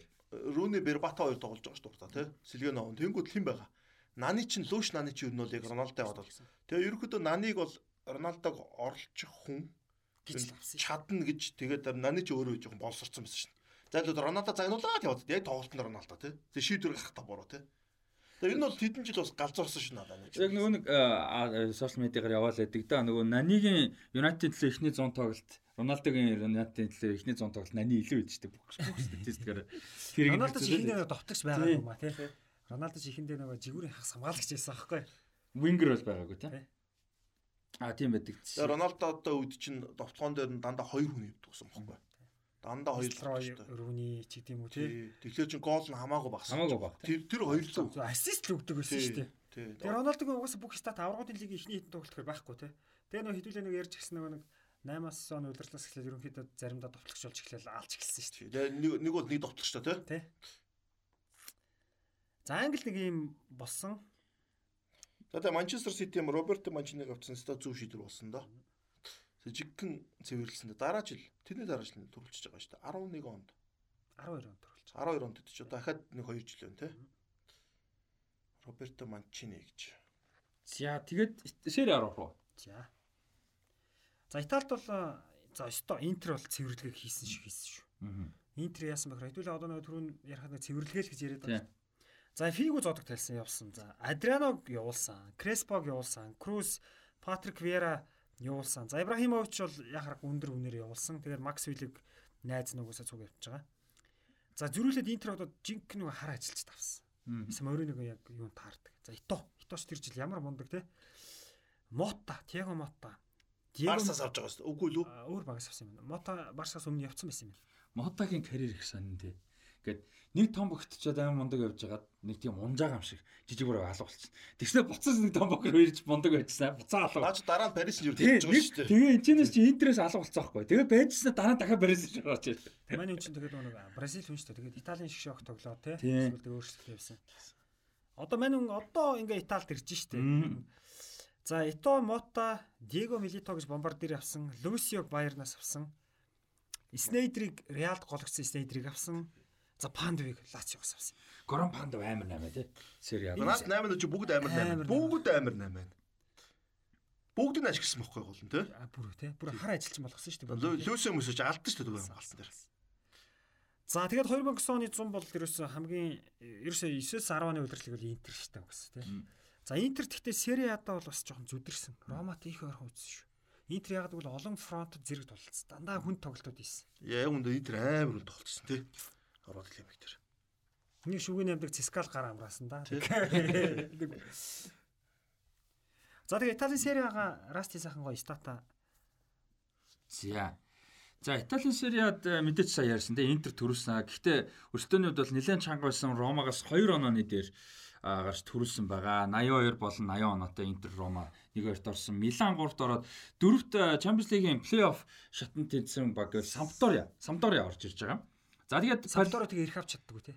аа тэгээд хасагдах юун дээр За тэгээд наад энэ жил чинь Ювентус гэдэг баг жиггэн Ливерпул шиг. Ливерпул шиг жиггэн утаарсан да. Палермо 5 Наполи 6 гэснээр 7-д Ювентус орчих. Одоо Ювентус удирлыг айгу дажгүй эхлэн. Чиро Феррара гэдэг Италийн шогийн баруун зүгний хамгаалагч байсан. Ювентусийн капитан байсан. Тий. Чиро яг хүнд капитан байсан те. Чиро Феррара удирдах яваа. Тэгээд 12 сард халагдаад тэгээд хин ирж байгаа. Альберто Закероны ирж байгаа. Тэгээд Закероны ирээд дахиад нэг хэдэн тоглолт явж байгаа дахиад болраа. Тэгээд яас гэхэлэр яг бэртэл гимтэл бол ер нь гайгүй би тухайн үе Ювентус яг үндэ цэвэрлэгээ айгу муу гэсэн байхгүй. Тэ одоо харахаар цэвэрлэгээ айгу муу. Тэгээд нас нь айгу өгшөрцөн. Яг яг яг. Нас нь амар өгшин баг. Тэгээ бүтэн үлрэлийн туршаад ерөөдөө Ювентус бол яг үндэ тийм Катания Матания талбайд орж өгдөө шин. Сампдорой Одоо одоо энэ чэнэс ингээд Италиг харахаар бас нэг тим юм харагдаж байгаа биз. Айгүй олон ер нь эд үеэсээ эхлээд Итали серия бүрэлдэхүүнүүд тийм амархан солидгоо. Тэгээ ер нь ирээ Байгаа л. гэдэг. Тэгээ угаасаа Итали тоглогчид ч гэсэн өндөр нас хүртлээ одоо өндөр насан жашимтэй одоо 30-д хүртлээ Тоглолцдог. мундаг тоглож чаддаг. Тэгээ одоо хинээс авахлаад бүр хаасан Чезаре Мальдини интерес хойш байгаа. Тэгээ ер нь бол Тэгээ тийм Пауло Мальдинийгаа дээл ингээд одоо энэ ч гэсэн зөндөө нөхдөд явж байгаа шүү дээ. Тэгээ тэрнийгээч дагдаг юм уу яа тийм ингээд бүрэлдэхүүн одоо түрүүн Милан ярьсан. Тэгээ одоо хөгшрөөд кака бол бас ингэсэн. Тэнгүүт ерөөс солигддог. Ерөөсө гимтэл бэртэл нэг сүтээ харагдахгүй байгаа юм. Тэгсэн мөртлөө бүрэлдэхүүнээс солигддог. бүрэлдэхүүн нөө яатсан нөө өсөглөн биш дээрэс нь хөгшөрсөн. Костакурта олон жил тоглосон Мальдини олон жил тоглосон. дээр яг нэг өндөр нас олтоо тоглолтон молдо шалтгаан бол яг хөл өмгийн онцлог нэг юм л да тактикийн те илүү нөө 50. 50 тийм хурд мурд төсөлт ерөөдөө нөлөөлөх юм баг. Дээрэс нь Итали хоол байгаа шүү яг үнэ. Итали болохоор одоо нөө экстра virgin oil гэж байгаа шүү те. Тэр одоо нэг оливийн ойл байгаа. шүү. Тэрний нэг экстра virgin гэж нөө салаатанд хийдэг шууд хийдэг. Одоо тэр Итали хүмүүсийн өндөр нас нь амар чухал. А дээрэс нь Итали хоолнууд байна. Одоо тэр спагетти а паста а, лазаня гэдэг. Энэ хоолнууд яадаг вэ гэхэл нэг тамирчдын нэг хамгийн юу хоолнууд байгаа нэг. Тамирчин үн зөгцдөг хоол байгаа хөөхгүй. Одоо Стивен Чарад юмдаж паста л хийж чаддаг гэж хөөхгүй. Эхнэр нь үртэл ажиллах. Алекс Корч. Паста л хийж тааж паста пастагаа ч өлегтэй хийх гэж хөөхгүй. Паста гомин гэдэг өөрөө би нөө хинтээ уусчаад бүр тэлжсэн. Париси.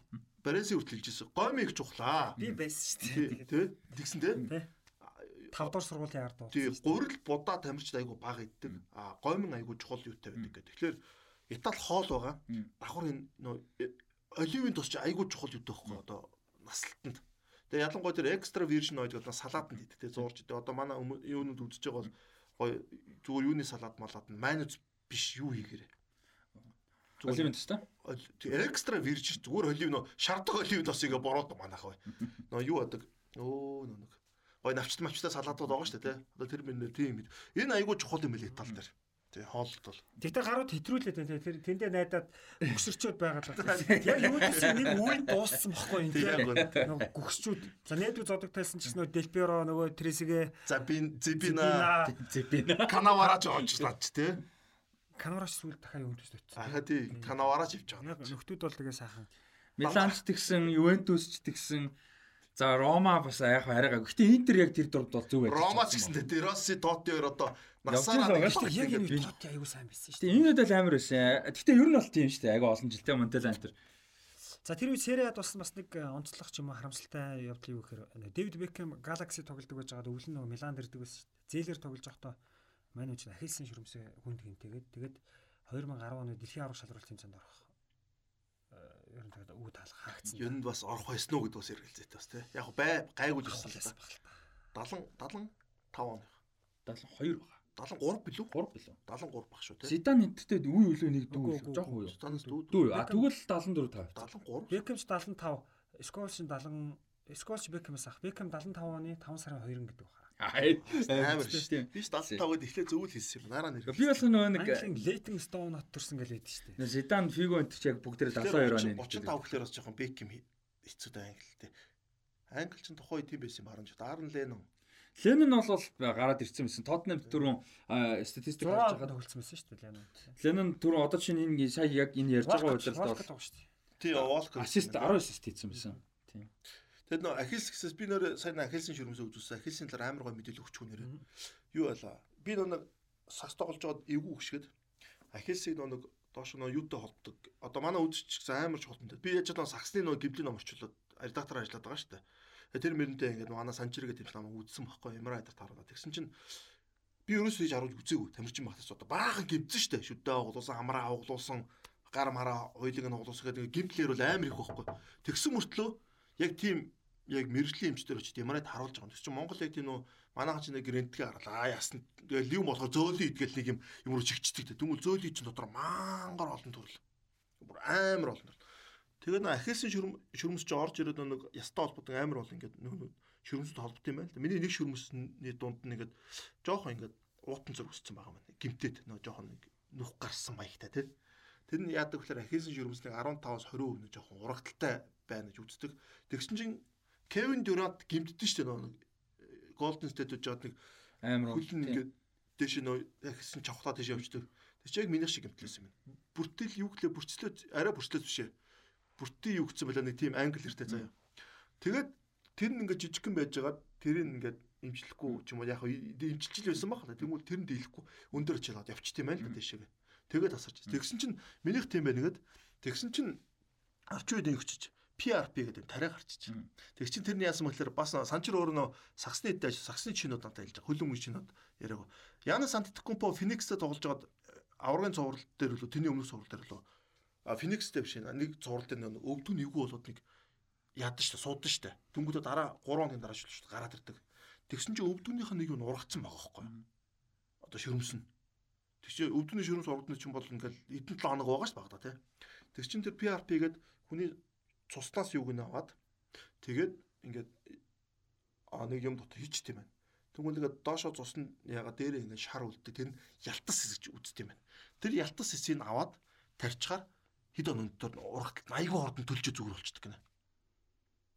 Тэгээд Яна Сантикумпо чинь тэгээд финалийн цуврал дээр тэг идэхэн энэ ороод ирд. Амар үнд гимцэн мөртлөө. Тэгээд тэрийг хамгийн гол нь 3-5 цаг дотор айгүй хурдан тийм юуг нь хийх ёстой гинэ. Авах ёстой чинь. Тэгээд энэ мэрэгжлийн тамирчид тэгж байна. Тэгээд энэ ахилсан шүрмсийг минийхийг үзсэн таних айгуугаа юу вэ гинэ? Шингэн байна гинэ ингээ шингий. Тэг чи яасан чи амар гой тайлбарлаж байгаа санчирч байгаа. Нойтон даваа үгээ татгаар тасарддаг шүү дээ. Хуураа тасардаг те. Ахил шүрмс тэгж нойтон байх тусмаа илүү юу гэдэг гинэ? Бат бөх. Бат бөх гэдэг чинь. Гэхдээ таних нөө доороо нөө жоохон нэг тийм юутай болохоор тасрах одоо таних бол гайг байх гэж байна. Өндөр ачаал авахгүй. Тэгтэл эвгүй шүү дээ те. Тэгж айгуу гой надад тайлбарч өгч би өстө асар том юу авлаа яг үндэ бид нар бол тэгж үзүүлж үзээгүй те тамирчтай. Тэгсэн чинь бүр шинжлэх ухаан болч. Тэгээд яг энэ спортын гимтлэр Монголд мэрэгсэн айгаа хоор байдаг. Санчир өөрөө бүр ингээд Японд төгсч ирсэн өөрөө бүр ингээд мэрэгшээд яг энэ чиглэлээр ороод загсны багтаа. Тэгс чи амар гоё юм шиг. Усан цэлтэн хоёр хүүхдээ айгаа зүв бэлтгэл хийсэн чинь нэг усын ордор очоод 20 эд медаль авсан гэсэн юу гэсэн бэ? Хоёр хүүхд ерөөс нийлээд. Тэгээд тэр хооллолт бэлтгэлжилт тэр гимтлийг тохируулах тэр өст амар юу юм байна. Маш чухал юм байна энэ Роналдо Морнолдо ч зүгээр өстө бүр сахилгаа цаашаа яд юм байна. За соор юу нэмэлт мэдээлэл өгчлөө шүү. Тийм Роналдо одоо Левандовски энэ чи бүр робот шиг гэж ярьсан тийм. За Сери А ярьжсэн тийм. За Итали тийм. За Стата сайхан хөгжлөлөө. За Итали тийм за мэрэгэн буучвал 15 дугаар оронд орсон Динесиг Антонио Динатал 29 гол. Ясны мэрэгэн буч. Ясны мэрэгэн буч те. Олон жил дандаа явж байна. Дандаа л ихний хэдэд л явж. Серия ингээ сүүлийн нэг 15 ч юм уу те. Одоо яг сая сүүлийн нэг 2 4 жил зодог талцсан л та. Гэхдээ яг нэг 10-аад он 2000-аад оны сүүлийг харах юм бол Динателе тэгээд Испанд Адүрисээр дандаа явж байдаг. Дандаа 15 10 за энэ бол бүр 29 хийсэн байна. Гэхдээ нэг 15 20-оос бат те дандаа явж байдаг. Тэгээд Динателе яг юу л дэ дундаж багтаал тохирсон. Том багт бол тохирохгүй. Италийн шилж тохироогүй те. Тэ.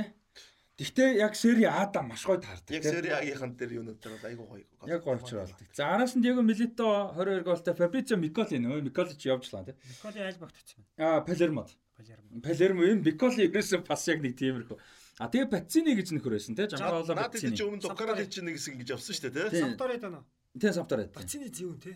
Пацини Пацини хоёр нийлээд дийлдэг байсан шүү дээ. За тэгээд нэг тиймэрхүү Тоти бол тэр жил 14 гол хийсэн. Мирко Вучинич 14 гол хийгээд тэг хоёлаа одоо 2 дугаар байранд ороход тий. Вучинич гоё байсан. Хоёр үед бол. Одоо гол өөрөөрөл аа одоо юу дээ. Явтичтэй Монтенегро. Монтенегро шүү дээ чинь тий. Хоёр амар довтлчтой аргашаага юу ч байдаггүй те энэ баг тий. Одоо савж чагаад ирсэн. Тий. Аа тийм биш те. За иймэрхүү байсан юуны хувьд бол Сери А-гийн хувьд. За Сери дээр нэмж ярих юм. Баггүй. За За. бүгд л сонсоно гэж та. За Бундслиг лиг э, Франц лиг товчхон явчих. Тэгээд Тийм шүү дээ. Товчхон тий. За Франц лиг а за жоо. Хажуу. За Франц лигт Марсей төрүүлсэн. Түрүү ярьжсэн. Өнгөрсөн удирдалд Бордо төрүүлээд за ингээд нэг 4 5 жил бол дандаа өөр баг. төрүүлж байгаа. Тэ тэр нь бас гоё сонирхолтой тий. А Леон нэг хэсэг хэдийгээр яг одоо чинь Леонд бол би дуртай л байдаг гэсэн. Гэхдээ одоо сая Парис Сен-Жермен одоо Мюнхен ингээд юу сая нэг хэсэг Ювентус ингээд нэг том лигт нэг баг олон жил төрүүлээд ахаар хичнээн гоё баг байсан ч ингээд сонирхолгүй болж эхэлдэг тий. Тэнгүүд одоо Франц лиг бол хэсэг яг мэдээж шанрын үед зарим нэг лигтэй гүцгүүч гэсэн яг хоорондын өрсөлдөөн сонирн болоод эхэлж байгаа хэдэн жил тий. За тэгээ энэ үйлрэлд бол Марсей- Франц дээр чинь гоё ячих вэ? Одоо ингэж байгаа байхгүй. А хөл бөмбөг мөнгийг бас дагдаг байхгүй. Одоо жишээлбэл Италийн багуудаас аль хэсэг нь сайн байна. Хойд мууч нь хамгийн баян мууч байхгүй. Тийм тийм. Одоо тэр Ломбарди нөгөөх нь юу илээ? Нэг хэдэн мууч байгаа шүү дээ, тий. Тэнгүүд л Милан, Ювентус Рома тий. яг Рома юу урагшаал. Яг өндөр Рома Лацио бол нөгөө дамжихгүй шүү дээ. Түүхэн өвч гэсэн. бүр хойшоо байлаа. Тий, яг төв хэсэг байхгүй тэр чинь. Яг хойдлын дээр нөгөө Альфи нурууны нэг Альфи нурууны Италийн ингээд Апенеогийн нэг тал газартаа ингээд жоох ойртож байгаа хэсэг бол хамгийн үржилшинтэй хамгийн сайн байгаа гэдэг заяа. Германы хамгийн сайн баг нь мужтай дээ. Хамгийн баян байхгүй юу? Хамгийн баян гэж. Одоо Рури хөндийгээд нөгөө нүрсний хотод байгаа шүү дээ. Одоо нөгөө Боруссия. Эссен, одоо Шалке дандаа нүрсний хотод те. Тэд нар болохоор ингээд сайхан ажиллаж байгаа гэдэг байхгүй юу? Тэнгүүд баян мууч ч өөрөө үйлдвэр үйлдвэрийн одоо зөвхөн нүүрс биш заяа. Бүх төрлийн юм байдаг. Хамгийн баян мууч. Үржилшинтэй. Испаник гар. А нийслэл Реал Мадрид тэгээ яг энэ бол Изан холбот те. А Барселона гэж байгаа. Англи дээр очихоор үйлдвэрийн хотуудныхээс илүү нэг юутай хотууд Порт. байхгүй. Портууд нэг байхгүй. Ливерпул, Манчестер, Манчестер Порт бол одоо хүмүүсээс асуудаж Манчестер манадаас City United-ийн лого энэ дээр байдаг нэг зүйл юу гэдэг вэ? Хүмүүс мэддэг усан гоц үүдэж тойлонд. Яг бол Порт айгуу чухал л үү. За Лондон юм байгаа тий. Тэгвэл Франц дээр яадаг вэ? Франц дээр ийм байгаа айгуу сайн. Францын гасар унтах чинь тэр жигээр айгуугаа үржилж хэмтэй байхгүй юу? Амар гоё байхгүй юу? Хоошоогоож урагшааж баруун чигээ зүүн чи амар. Тэнгүүд л нэг эдийн засгийн хүчин гэдэг амар тарцсан байдгийг шүү. Тэгвэл багууд нь амар жид. Хотууд нь ч гэсэн тийм штэ. За Парис хамгийн том хот нь боловч урагшаага тэр Марсель, Лион, Ницца, Тулууз эдэр чи амар лаглаг хотууд тохгүй дандаа. Тэгээ бүгдээр өөрийн гэсэн Бордо яг үнэ. Өөрөө өөрийн гэсэн онцлогтой лаглаг брэндүүдтэй. Одоо Монако хүртэл байгаа шүү. Тэгэхээр Францыг би эдийн засгийн аяугаа тарцсан болохоор хөл бөмбөг ингээ гоё ингээ тарцсан. Тэгж аваад идэм болов боддیں۔ Ер нь бол Одоо Баер шиг ноёрхох боломж бол нөхцөл нь их бага юм байна шүү дээ. Баер нь бол яхахгүй тэр улс хот хот- мууч нь баян болохоор ноёрхол нь бол бас тэнгэр байгаад байна гэдэг. газар зүй болон тэр нэг газар тариалан ер нь бол баян чи тэр дээр амар өгөхгүй. Тэгээд баяны эсрэг нөгөөд нь би би нэг дэмждэг шүү дээ. Тэгээ урагшаага дээр Австрал руугаа Швейцар руугаа шууд ингээд аа, харилцаа холбоо тээвэр юу гэдэг айгүй сайтай. Би Францыг бас нэг сая яагаад бодсон. Дээрээсүүд бодолс яг ингэж л бас хараад идэм л да. За тэгээд Марсей төрүүлээд Лион Осер Лил гэд багууд араас нь дараалж орсон. Марсейн мэрэгэн буч Мамадо Нян Франц лигт. Дараа Милан юм те. Тийм дараа Милан явсан Сенегалийн довтлогч Paris Saint-Germain тэр жил 13-т орж исэн. А гэхдээ Европа лигийн плей-офф раундад дараагийн үйл шатал шалгарч ирсэн ягаад гэвэл Coupe de France Арабууд нь цомд аваагүй бол- байгаа шүү дээ тий. Тэгээ цомд бол одоо төрүүлсэн тэр юу бол болоог байгаа тий. Тий. Тэр бол. За Франц лиг нэг иймэрхүү. За тэгээд а, одоо Бундслиг ярьчаад хэдүүлээ Европын га тэмцээнүүд рүү орно. За Бундслиг а, 2009-оос 10 онд Баерн 70 оноотой. За Баерн 70 оноотой араас нь Шалке 65 оноотой бас бас гайгүй ойрхон тий. А яасан байна. Араас нь. За тэр жил Бундслиг За Бундслиг бол а, Баерны нэг уналтууд явсан шүү дээ. 2008 онд 7 онд одоо аварга Штутгарт алдсан. 8 оны Европын одоо UEFA-гийн цомын хагас шиг Зенит бут нэргүүлсэн. 9 онд Бундслигээ Вольфсбургт алдсан. Аргууд лиг дүрд ороогүй шүү Ороогүй, тий. дээ. Тэнгүү та 2009 оны 100 бол алдартай сахажууд Шалуй Ван Халыг багтаа авсан. За Ван Хал бол Баерныг бас сэргээсэн. Ван Халын хийсэн гол гол 8-аад Ивица Оличиг авчирч исэн. За өөр Арен Робин. А Робиныг авчирсан. Тэгээд ерөөсөө одоо ер нь Бундслиг нэг ноёрхлыг бол хэн бол ихлүүлсэн. За тэгээд тэр жилийн аргуудын лигийн финалд Интер Баерн хоёр талаас үзэхдээ бол хэн хоцсон л требл хийх гэдсэн шүү дээ. Яг тийм Баерныг бол тэгж босгосон хүн чинь бол Ван Хал юм байна. Тэгээд Робны 8 яг Реалаас явж байгаа. Робн Риберигийн хослол яг үндэ яг үндэ амар байсан шүү. На Робн ч юм уу зүр одоо тэр финалийн аврал лигийн финал дээр ч бид нар бас ярих байгаа. Интерисийг бол Робныг бол госоод айгүй хэцүү байсан шүү дээ.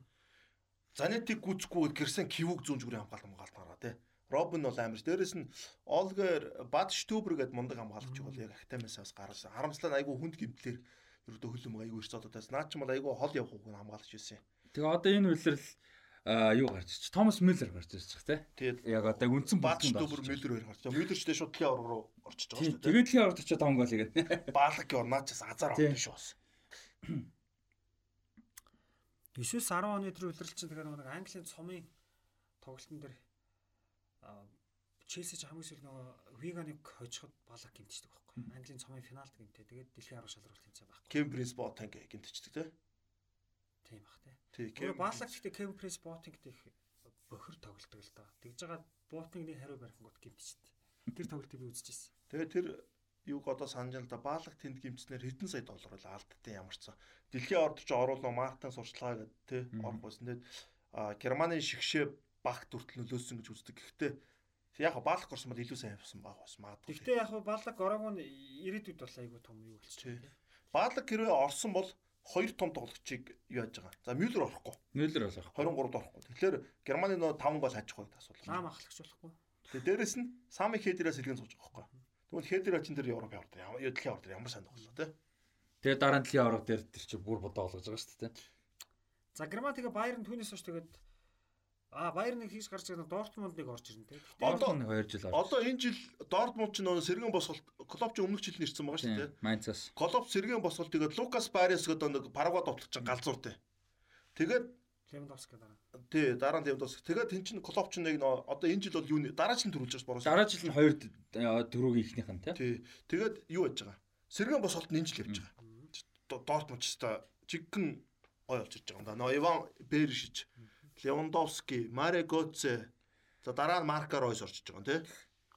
Тэгээд наа Лукас Барес тэр чин гарч байгаа юм. За стат юу вэ?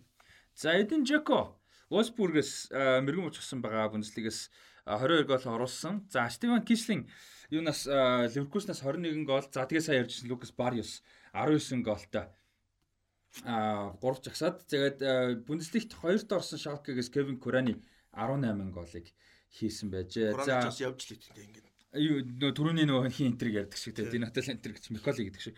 А тэгэд Байерн Мюнхнээс дөрвсөн Байерн Мюнхнээс Ариан Робин 16 голтой, а Томас Мюллер 13 голтой. Робин ч угаасаа хаалт. Томас Мюллер одоо шууд ихний л одоо мэрэгчлэлээр шууд тэгэхэд одоо бас. Яг өмнөх удирдлын дебют хийсэн байсан гэхдээ ойлголтоо тоглоо. Мюллер бол өнөхөр онцгой тоглогч нь бас үнэлдэ амар төгсөгч тий. Тэд нөгөө нэг орон зайг амар мэдэрдэг. Гэхдээ ингээд харахаар юу нөгөө нэг хэдүүлээ нэг хальт энзааг ярьсан. Гэхдээ энзааг хамаагүй л л зүгээр нэг тийм юу хийгээд байгаа гэж хэлэхэд амар хэцүү. Гэхдээ бүгдийг хийж чаддаг. Наадах чинь ямар тасалж удаж ирээд Мюллер нэт гэдэг чинь хэрэггүйгээр бүр шилэн цолгож шүү. А хин оо коуч коуч ирээд сая сүулт чинь суулгаад Мюллер чи бүр бараг явах мохтой тулцсан байж байгаа. Баг нь явахгүй коуч мултраа хаяа халагдаад Коуч сая бухан дээр байсан уу? тийм үү. Коуч бухам дээр Тэгвэл тийм. 7 нол дуусна уу? Тий.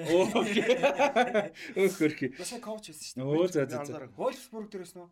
Тийм. Wolfsburg Wolfsburg баха. андуурч юм шүү. Коуч сая Баернд нэг ингүүлсэн багийн коуч Өө, байсан. Боос сүрэг баха. Тэгээд нөхний ирсэн штэ. Оо. оо, Хиний туслах чи. Оо. Ловын туслах нэг ирдэг чинь. Флико. Тий, тий, тий, тий, Ханс Флик тий. Тэгээ Ханс Флик чи эренгүүтээ буцаад Мюллерийг тоглуулаа. Тэгээ Мюллер ч бүр алаагүй тэр Champions League дөрүүлдэг үлрэл тий. За аврууд лиг рүү гарах гэж. За, за Европа лиг тэгээ аврууд лиг тий. За аврагын лиг бол хэсгийн шатанда нөгөө нэг Ювентусын хямрал үргэлжлэх хэсгээс гараагүй. Ливерпул бас гараагүй. Тэгээ Ливерпул бол Фиорентинад болсон тэгээд за тэгээ бусдын жол тэгээ яг хаа явдгаараа явсан. Интер Барса ч нэг хэсэгт орчиж байгаа шүү. За Интер Барса нэг хэсэгт орсон. Барсач нэг хэсэгтээ Рубин Динамо Киев хоёрт ороод Рубинд хожигдсон шүү дээ Барса тий. Талбай дээр тий. Үгүй талбайд нь очиж чодж чаддгүй шүү дээ. Тэнцдэг тий. Тэнцчлээ тий. За яг тэгээд одоо нэг тийм болж Тэр ирсэн. азыг бол тий. Одоо тэг Рубин ч гэсэн мундаг байсан шүү дээ. Сямак гэдэртэй. Гэтэ тэр нэг хэнийг ол чин одоо цогцдог үсээр яатсан цэ билүү? Тий. Тэнийг олж тий яатсан цэ. азныг олж тарч бол 30 минутээр зогцчдөг нь орчдөг. За тэгээд аврагын лиг За хэсгийн шат бол ийм болсон. Тэгээ шүгэн 16 бол мэдээж угаасаа амар амар тоглолтууд болно. За хамгийн гол тоглолтууд бол мэдээж Лион, Реал байсан, Челси, Интер байсан, Манчестер Юнайтед, Милан байсан. За тэгэл ярина да. За ярэр. Би арай хийрэд байна. Зүгээр зүгээр сайн мэдж байгаа л нэмэл шүү. За араас тий. Их баг нь хамаагүй шүү дээ. За би болохоор зүгээр ингээд юу вэ дараал ярих болчиход байна. Зүгээр та хоёр үргэлжлэл ярьч. А за Интер Челсигийн тоглолт. Энэ бол ерөөхдөө бас хамгийн чухал тоглолт байсан. Яг тэгвэл энэ бас Челси амар өсөн шүү дээ. Тэгээд Интер бол яг Мourinho өөрөө Челсиг бас босгосон хүмүүс энэ тэгээд хоёр багийн тоглолт бол Челси юу Мourinho Челсигийн эсрэг яаж тоглохоо мэдчихсэн. Дрогбаг яаж хамгаалахаа мэдчихсэн. Дээрэс нь а одоо хамгаалтаа сөрөг тоглох гэдэг хөлбөр ерөөхдөө аягуулсаа хэрэгжиж Челси бол хоёр тоглолтноор 2-1-1 тэгээр болгож авсан. Тэгээ нийлбэр дун 3-1 гэсэн. Тэгэхээр энэ бол хоёр тоглолтод хоёуланд нь Мourinho илүүргэсэн гэдэг. Тэгэл болохоор тийм үр дүн бол. Тэгээ Челсиг бол ахаад аврагууд лигийн юм. Гэхдээ аюу эрт тусч байгаа. Ягаад гэвэл Интер Барсатай нэг хэсэгт орсон учраас хоёроор гараад нэгээр гарсан Челсиг ингээд хоролдог үйл явдал болж байгаа. Энэ бол ерөөхдөө энэ аврагууд лигийн бас бараг шүгэн 8 8-аас илүү илүү чухал тоглолт байсан энэ бол. Энэ бараг хагас шийдвэр 16-гийн хамгийн том юу шүү дээ. Наа чи бараг шүгэн Милан 8 чинь тоглолтыг гүйцэхээр тоглолт бас болоогүй шүү. Бараг хагас шиг нь тоглолч тоглохгүй юм чи те. Интер бол хэсэгтээ Барсатай ордог нь ер нь их хэрэг болсон. Барсатай хоёр тоглоно гэдэг чинь дараа нь эргээ Барсатай таарна. Шөө Челситэй таарахад ч гэсэн бас хэрэг болж байгаа. Тэгээ нөө Интер айгүй хүн зам тулсан гэж байгаа да. Яг үндэ энэ ч юм бол шүгэн дөрөв үлдэх хэвээр нэг баг өсөн Челси те. Тэрийг байгаа хөөхгүй. Тэгээ Дорогба гол нь энэ жил амар байсан. Дорогба энэ тоглолтын дээр сайн тоглодгоо шүү дээ. За тэгээ санаж байвал одоо нөгөө нэг түрүүн би хэлсэн ЦСКА шүүгийн 8-д Интерийн гар амраас ингээд ЦСКА ч 16-д Севиаг очдөг. Нөгөө нэг Япон Honda Хэсэг Honda хожлинг бол хийдэг штэ. Тэр Honda-гийн тодорсон үе шүү дээ бас ЦСКА тоглоод. За Манчестер Юнайтед Милан тулсан зөвөр ер нь энэ хоёр тулахад бол Милан дандаа илүүрхдэг байсан. Гэхдээ тэр үе Миланы бүрэлдэхүүн бол за Рональдино энтер байсан ч гэсэн нэлээд тийм Харьцсан байсан дээ. үе. Тэгээд яа харахгүй Юнайтедыг дийлээгүй л дээ. За Францын Лион бол угаасаа Реалыг хождог гэдгийг бид нар өмнө хэд хэд удаа ярьсан. Хоцсон те. Яг шүгэ 16-нд Galacticos Реал чинь Лион хож. Игвайн нэг алддаг аа л алддаг те. Эвган ер нь том тоглолт нар голддгоо шүү дээ. Чухал тоглолт нар те. жижиг э, тоглолтууд дээр олон гол хийдэг. Тэгээ улиралд их олон гол хийн. Том тоглолтууд том Тэгээд лаг юм шиг харагдаад тий. Одоо тэр Наполид ч тийм байсан, Реалд ч тийм байсан. Шгшээдээ бол бүр тийм. 14 оны тэр Ар- Аргентин шид тэр Игваныг биш арай өөр довтч мутч айгуураа мэгөөрөө гарах байсан аахгүй тий. Яа. Тэрийг ярил одоо бүр. За тэгээд аргууд хэлийг үргэлжлүүлээд одоо шүмэн Челси хоёр юун дээр мултарч байгаа юм да. 16 дээр явж байгаа юм да. Энэ бол аврал хилээд тэгэхээр бас үнэн өршөөлөг байгаа шүү тий. За тэгээ шүгэн 8-д бол гол гол тоглолтууд байгаа. Шүгэн 8-д бол Арсенал Барса таарсан. Арсенал эхний тоглолтод Барсаг хожсон. Тэгээ хариу тоглолтод би яг гол пабд үзчихсэн. 2 2. Тэнцсэн. Тэнцсэн. А эхлээд тэнцсэн үү те. Аалц теста аалц. 2 2. Хариу тоглолтод Месси дөрвөн гол хийгээд Арсеналыг нухаа ичдэг. Бодоо олгодог. Дом домгтой тоглолт тий. За нөгөө шүүгийн 8 тоглолтууд нь болохоор а юу Мюнхен Юнайтедтэй. Тэр бол одоо Мюнхен мултарсан байсан шүү дээ. Мултарсан байж хат нэг Робины нэг амар гол булангаас шууд цогтөг те. Яалаа би бол санахгүй нэр. Булангийн цогтолтоос бөмбөг ирсэн чинь Робин ч бүр ингэж Аа. Аа тий тий. Тэр чин байл Тэр чи нь тий. явж орсоор хагаад олон хүний дунд явсараа буланд ороод Тэгээд тэр гол Робин амар байсан юм аа. амар амар. Тэгээд goal-оор тий. Аа. За юу Арсенал юу тийм за Интер ЦСКА. Сая түрүүн хэлсэн Гар амраас шүү дээ. Яг хамарсан уу? 1-0 1-0 тий бас тий. Яг өмнөх Челси дээсэн тоглолтын л үрдэн байгаа байхгүй юу? 2-1 Амарч амарч байгаа амарч байгаа. Тийм ээ тий хамарна хамарна Сеска гэдэг чинь. За нөгөө талд нь болохоор Францын 2, Лион Бордо 2 бас хоорондоо шүгэн 8. Жос ховг шүү дээ. Аврагууд хэлийгт шүгэн Францын 8 руу Францын 2 баг хоорондоо таарна гэдэг бол ер нь хоорондоо ч гэлтгүй 2 Франц баг орж ирнэ гэдэг өөрөө ховор тий. Тэгээ хоорондоо дараа амар юм шүү. Нэг нь шууд дэшиг. Тий? Нэг коттой. Тэгээ нэг кот дэш ор. Яг бол энэ ч нэг юунд айгуу чухал байхгүй. Дараа нь коэффициентэд нь Говчод нь айгуу чухал байхгүй. Дэшээ шүгэн дөрөлөө нэг үлцэндэг чи. За Лисандро Мартинес гэж нэг нөхөр нэг хэсэг Аргентин Бенземиг явуулаад нь Лисандрач галзуурдаг. Аргентинд очиж шүү дээ. Тий. Тий Аргентинд авсан. Тэ Аргентинд очиж. Нэг хэсэг нэг Jesus шиг нөхөр л явдаг Наа чи ингэж галзуурсан мөртөлхөө урдаас ордгоо шүү дээ. Дэлхийн урд явсан юм аа. Яваг бах тий. Шигшээд ер нь их яваг шүү дээ. Яг тогсон юм аа. Нэг хэсэг тогсон гэхдээ нэг ер нь бол гайваг. За тэгээд шүгэн дөрөв. А Мюнхен Лион, Интер Барса. За Мюнхен Лион. Интер Барса дээр ярих юм баг. За Мюнхен Лион юу боллоо? Тэг Мюнхен би тэр Мюнхен Лионыг бас сандгүй. Э, тэр угаасаа Мюнхен машинт юм аа. Машинттэй. Нөө юу тоглолч юм бохоо. Одоо Интер Барс. За Интер Барс хоёр чинь ингэж байгаа. Наад хоёр чинь ингэж хоорондоо таарлаа. Эсэг таарч. Энэ бол энэ үлрэлч юм бол Барса төрүүлнэ гэж бас үзэж байгаа шүү дээ. Угаасаа яг яаж Барса хожих уу гэдэг үлрэл واخгүй наач юм бас. Тухайн тухайд одоо юу гэдэг Барсаг зогсоох хамгийн шилдэг аргыг Морино бодж олсон гэдэг. Тэрний юу гэхээр зүгээр автус. Автус тийм яг үнэ. Юу нь бол автус гэдэг хэлдэг чи одоо баг эндээс гарч иж байгаа шүү дээ. Тийм шүү дээ. Яг энэ энэ тоглолтоос байхгүй юу? Энэ тоглолтоос гадна Барселона гэдэг багчин автус гэдэг хамгаалтын системийг одоо бас гарч ондог цагаан арим шиг байхгүй юу?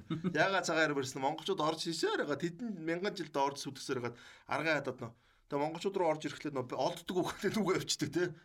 Тэгээ цагаан арим барьсан. Тэр шиг байгаа тоххой. Барса нөө юуг нь хийсэн?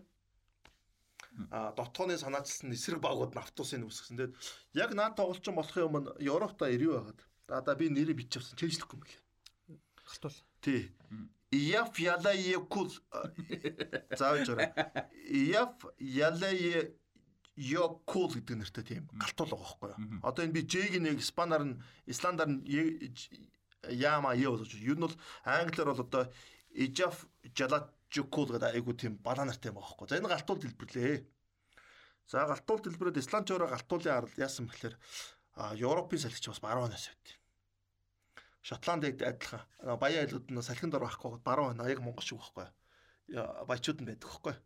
Манайх чинь жорлонгоо зүүн урдаа ирдэ шүү дээ тэр шиг. Тэгээд энэ ягаад Европ даяараа бүр нислэг цуцлагтаад. За тэгсэн чинь хамгийн том за зөндөө ингэж юм болж байгаа юм заяа. Тэгсэн чинь хамгийн том юм юу гэхээр Японд болох байсан MotoGP-гийн уралдаанчид нисэх онгоц байхгүйгээд MotoGP-гийн уралдаан 4 сарын 25-нд болох байсан чинь 10 сар хүртэл ажиллаж байгаа. MotoGP ч өөрөө ямар амар том уралдаан мөнгө хэрэгэлдэг уралдаан л тий. За тэгсэн чинь яг хоо ингээд зарим нь ингээд адвантажууд ашиглаж чаддаг гараад байна л да Ливерпул идэр чи ингээд нөгөө баг нь зочилж ирсэн чи өөртөө хожигчдаг ч юм уу тий. Тиймэрхүү нөхдүүд байна л да. А хамгийн том юм нь юу Барса юу хоёрын тоглолтын дээр Интер хоёр дээр гарч байгаа байхгүй.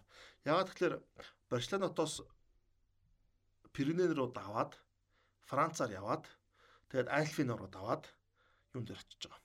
Милан хотод очиж байгаа. 1000 км. 1000 км-д ч одоо юу гэсэн үг вэ? Монголын Тэг хөвсгөл юм даа. Үгүй үгүй. Хөвсгөлөөс жоохон цаашаа. Үгүй ээ. Бараг хоёр урт чи хэдүүлээ хоёр өнцөг арай биш те. Тэгээ энэ бол нэг ховдоос бараг нэг Улаанбаатар орчим мянга байна уу? Мянгаас арай ихтэй. Их үү те. Хөвсгөл рүү явхад бол мянган нилээлдэг үү. Тийм. Тэгэхээр нэлээд хол явж байгаа юм заяа. За тэгээд автобусаар тэр чинь зүгээр менежер аялах гэж явж байгаа гараад шүү дээ. Очоод тоглож байгаа. 2 хоног явж байгаа Барселона. Тэгээ 2 хоног явахдаа тэр чинь дундаа Францын Кан хотод амардаг гэж байгаа. Тэр чинь баг хондог үлээ яа. Хондог багш 2 хоног явж байгаа юм чи 1000 км. Тэгээд замдаа яасан гэхээр тагта махта яриад нөө Invictus гэдэг нэг Өмнөд Африкийн кино байдаг шүү дээ. Спортын. Айгу алдартай кино Нельсон Мандел. Тэрийг үзсэн гэж байгаа. Inglourious Basterds гэдэг кино байдаг шүү дээ. Тэр хоёр морийг үзэж явсан гэж байгаа. Багаар хийх юм болтго гавтсан. Мангар удаа авсан. Тэгээд амар ядарсан Барселона очоод тэр тоглолтод Интерт 3-1 харьцаад орж ирдэг. За гэхдээ энэ бол зүгээр яг за бас нэг том шалтгаалсан эсэргээр Мауриньо 4 2 3 1 гэдэг одоо Ньюкаслыг ярьсан те. Одоо сайн хамгаалдаг докторч гэх юм одоо те. Ийм бүлтгэн гарсан. Тэгээд за 14 хамгаалж байгаа эхлэхэд урд нь Тего Мото Камбесоор тоглоод за тэгээд урд нь ерөөсө довтгооны дөрөнд тулж тавьсан. Барсагийн эсрэг айгүй зөв тоглосон. Босдогоо дандаа хамгааллын тоглолт байдаг бол Снайдер төвд Пандов зүүндээ Ето баруунда Милит довтож игээд ерөөсө хамгаалтаа сөрөд довтгоонд ороход асар өндөр чадварлаг амжилт авдаг. Тийм баг явд. Тэгээ 3-1-ээр очсон ямар ч. Хамгийн гол юм энэ болсон. Галтуул. Тэгэд хариу тоглолтын дээр компаниуд тоглолтын тоглолтын дээр стажик нөгөө автобусыг бол одоо бүр 100% байсан шүү дээ. Одоо тэгээд хариу тоглолтын дээр ч нөгөө Барса ч 2 голоор хожих хэвээр. Тий. Тэгээ Барса нүдэж нүдэж нүдэж яхаа Ито Мито ч бүр хэвээр хамгаалаа л байдаг шүү дээ. Тэгж тэгж байгаа төгсгөлт нэг пикэний ганц гол хийдэж. Тий эргэж хараад. Нэгдүгээр үедэр Тего Мото улаан завчсан. Тий. Тэр дэвтэ жоохон Эйгүү те. Утгагүй л авцсан л да. За тэгээд үлдсэн юмтанд Барса нүдэд идэг, нүдэд идэг. Интер бүр аруулаа хамгаалаад байдаг, хамгаалаад тэгэл цаг дуусаад Мориноос цэнгэлт хэрэггүйгээл нэг гулгаа. Тэгээд энэ энэ сурал дээр яг Мориныг таахдаг хамгаалагч нар одоо Люсо өдр Занетти өдр Майкон өдр агуулсан тоглолт шүү дээ. Майкон ч нэг гол идэж 3-1 дээр шин тий. Жулио Сезар зүгээрсээ солиод байгаа. За тэр үед бол ерөөсөө ерөөсөө би яг хэлчихье. 10 оны дэлхийн аврах шалралт тэмцээний өмнө Би бол Жулио Сезарыг дэлхийн номер 1 хаалгач гэж бодсон тэр үед. Майкон бол дэлхийн номер 1 баруун хаалгач. Аалус байсан ч гэсэн Майкон Аалусаас илүү илүү илүү илүү. Тэгээд тухайд илүү өс. Тэгээд угаасаа Бразилийн гараанд Майкон гардсан шүү дээ, тэ.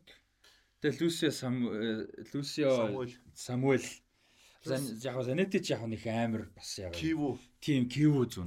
Яа тэр тэр хамгаалт бол амар. Тэгээ Гамбиасаа ордно. Амиа өхөөс буцахгүй нөхдөтэй. Үнэхээр гоё. дандаа хүнд гараад байгаа байхгүй юу? Чин Самуэль Станкович байгаа шүү дээ. Тийм Дэян Станкович. Станкович нь тэгтээ яг бас гол тоглолтоор гардаг юм те. Яг юм хамгаалалт тоглолтоор Мота Камбесоор гардаг те. Аа тийм. Тийм хамгаалсан бол тийм. Тий. Мота зэвэн тийм. Мота Камбесоор жижиг харааж лийдэг байхгүй те. Энэ багийн хамгийн гол баланс дээр тогтож байгаа шүү дээ энэ бол. Камбиасчтай олон юм хийж чаддаг, олон давуу талтай гоё тоглогчлоо. Дааш тэгээ Камбиас дэлхийн арга шалралт тэмцээнд яваагүй шүү дээ. 11 дэлхийн ороод Марадона биш өөр цолж байгаа шүү дээ заяа. Тэгээ Камбесоор Рикелмер явсан бол Аргентин баг авахаар байсан шүү. Амар байсан шүү дээ. Испант бол үзэн шүү. Бүрэлдэхүүний үед бол. Тэгээ дээрэс нь Милитог төвөнд товчж болох хэвгүй Аргентин те. Ийм өндөр формтой аврагуудын лиг төрүүлсэн. Одоо финал дээр 2 гол хийж байгаа шүү Баян дээр ч. Энэ дээр чи Милито ч гол оруулж байгаа. Мгм. Тэгэд Италийн лиг дээр 20 идэг болов. Игуан Мегуаныг гаргадаг. Хамгийн буруу байхгүй те тэр. Игуан твээсээр гардаг дээ. Том тоглолтын дээр илүү үр дүнтэй тоглож байгаа гэсэн бол тийм. Игуан твээсээр гардаг. Тэрний өн твээс Милито байхгүй те. Яг гол идэг хүн. Аа За тэгээд Барса гэстэй энэ төр зогсоосон доо. зогсоос. За тэгээ шигшээ тоглолтод бол Баер нь бол Интерт юм болоогүй. Яг үндэ ас амар нэсэн Робин байсан. Робиныг бол дээ. Робин бол баг яг яг үндэ Жулиус Сезар амар амар баг гадаг шүү дээ. Яг нэг эргүүлээ зогтсон шүү дээ. Орж исэн өмгийг гаргадаг Жулиус ч. Их л өөдөртэй финал болж ирсэн нэг л сандын надад л үзэж яхаа. би л унтцсан байсан тэгээд. Үгүй ингээд Интер тоглож байгаа юм жаргахгүй шүү дээ. Үгүй тийм л. Гэхдээ нэг тийм яг одоо хамгаалтын баг тэрийг хамгаалтыг нь үзээд бас сонирхолтой байж болно шүү дээ тий. Тэгэхэд ингээд нэг тийм финал шиг ерөөсө тоглолт биш. Одоо надад ингэ санагддаг байхгүй. Мюнхен Интер одоо чинь би Интер тус миний амар дуртай байгаад байна. Яг Мориньо ас ирч гисэн. Тэгэхэд тэр тоглолт ингээ нэг тийм юу байдэн шүү дээ. Аврагууд лиг одоо энэ нөгөө Барса Интер нэг шигт ордог шиг хоёр том баг нэг шигт ороод Тэг ингээд нэг тийм 5 ч юм уу 6 дахь тойронд нэг хоорондоо тоглолт шин нэг тийм гархан тодорхой нэг тэгсгээд нэг өнгөрчдөө шүү дээ ач холбогдлого тийм юм шиг санагдчихсан. Яг яг тоглолтын хувьд шүү дээ. А яг мэдээж тоглогчт нь гоё байгаа тийм Милито тэр. Тэгтээ 10 тэр үзэгчийн хувьд бол 10 энэ финалийн тоглолтод ерөөсө ганц сонирхолтой болж ирсэн арай Робин л байсан байхгүй. Робны Киво Занети хоёр чинь бараа дабл тим болж авгаалаад нөгөөх нь гол оруулчих гээд айгүй эвгүй эвгүй юм гараад. Энэ баян чиглэлд тоглолтсон шүү дээ. Мм. Нөгөөтөн сөрөөд. Тэгээ энэ бол ганц гол юм Робин л байсан. тэгжэл санагдаж байна. За э, энэ болохоор нөгөө нэг юуны Европа лиг гэж нэртэй бас анхны үйл тийм. За Европа лиг өстө үзээгүй шүү. За энэ удирдал бол Атлетико Мадрид төрүүлсэн. Испани баг. Аа Атлетико бол финалд бол Фулемиг хоцсон. За, Фул юм үлдсэн юм уу те? Рой Рой хойцны удирч орсон. За Рой хойц Тэгээ заваараад Ливерпул төрсэн юм шүү. Өдөрсөн гэсэн. Фулем бол яг үүнээс хоёр удирдлын юмд ер нь баг доошо унах шахсан гэж байгаа байхгүй. Тийм багийг Рой нь ингэж Европт ингэж гаргаж ирсэн гэдгээр хойцны бас автобус. нэг шин одоо карьераа сэргээсэн гэх юм уу те. Бас автобус амбалтаа шүү дээ. Ройцсон чинь. Гэтэ Фулемч бас гоё л бүрэлдэхүүнтэй байсан шүү тэр үед. Энэ үйлрэлт Форлан аштай бодоо болох шүү дээ. Форлан бол нэг 2010 оны дэлхийн шилдэг чинь юу FIFA баланд оролцдог үлээ 10 онд чинь тийм. Өө, Дэлхийн арга шалралт тэмцээний шилдэг тоглогч бол. Аврал. Тэгээд нөгөө баландор юу ир чинь тустай би твэрээ байлоо нэг болчихлоо. Наа чи одоо хамгийн заваа юм наа чи болдог байхгүй юу гэхээр яг үүнээс өмнө юу яд. Дэлхийн аврагтай жил дэлхийн авраг авсан тоглогч юу яадаг гэсэн тийм. Ихэнхтэй. тий авдаг гэсэн. Э, Наа жил чи нэг юм болсон юм л да. FIFA дэлхийн шилдэг үлэмжч 91 оноос тодруулсан. Тийм. Франц футбол 56 оноос алтан бөмбөгөө тодруулсан. Тийм. Тусдаа өгдөг байсан. Алтан бөмбөг нь дангаараа өгөхөр арай хантай очдөг байсан. Ерөн зүгээр яг тийм. Юу нь бол тий. Тэгсэн чинь наад 2010 оны дэлхийн арга шалралт тэмцээний үеэр Франц футбол FIFA 2 гэрээ зураад FIFA балаанд орогдсон гачин юм нэг шагнал гаргаж ирээд тэнгуү тэн дээр нь Снейдер нэг сүүлийн 3-т үлдчих чаддаг байхгүй. Тэрэн дээр Форлан Снейдер хоёр орох хэрэгтэй байсан надад санагддаг яг 10 онд. Яг нөгөө гурын яах хэрэгтэй байсан мэдэхгүй л да. Үнэхээр Монгол байсан Нөгөө шүү. гурын Инеста орчлох юм байна. Тэгээ Шави Иньеста Месси 3 байдаг шүү дээ. Тэгэхээр ер нь бол Форлан Снейдер хоёр орох хэрэгтэй байсан хоёр байхгүй. Яг хаа за инги. Месси авдгаар авгаа те.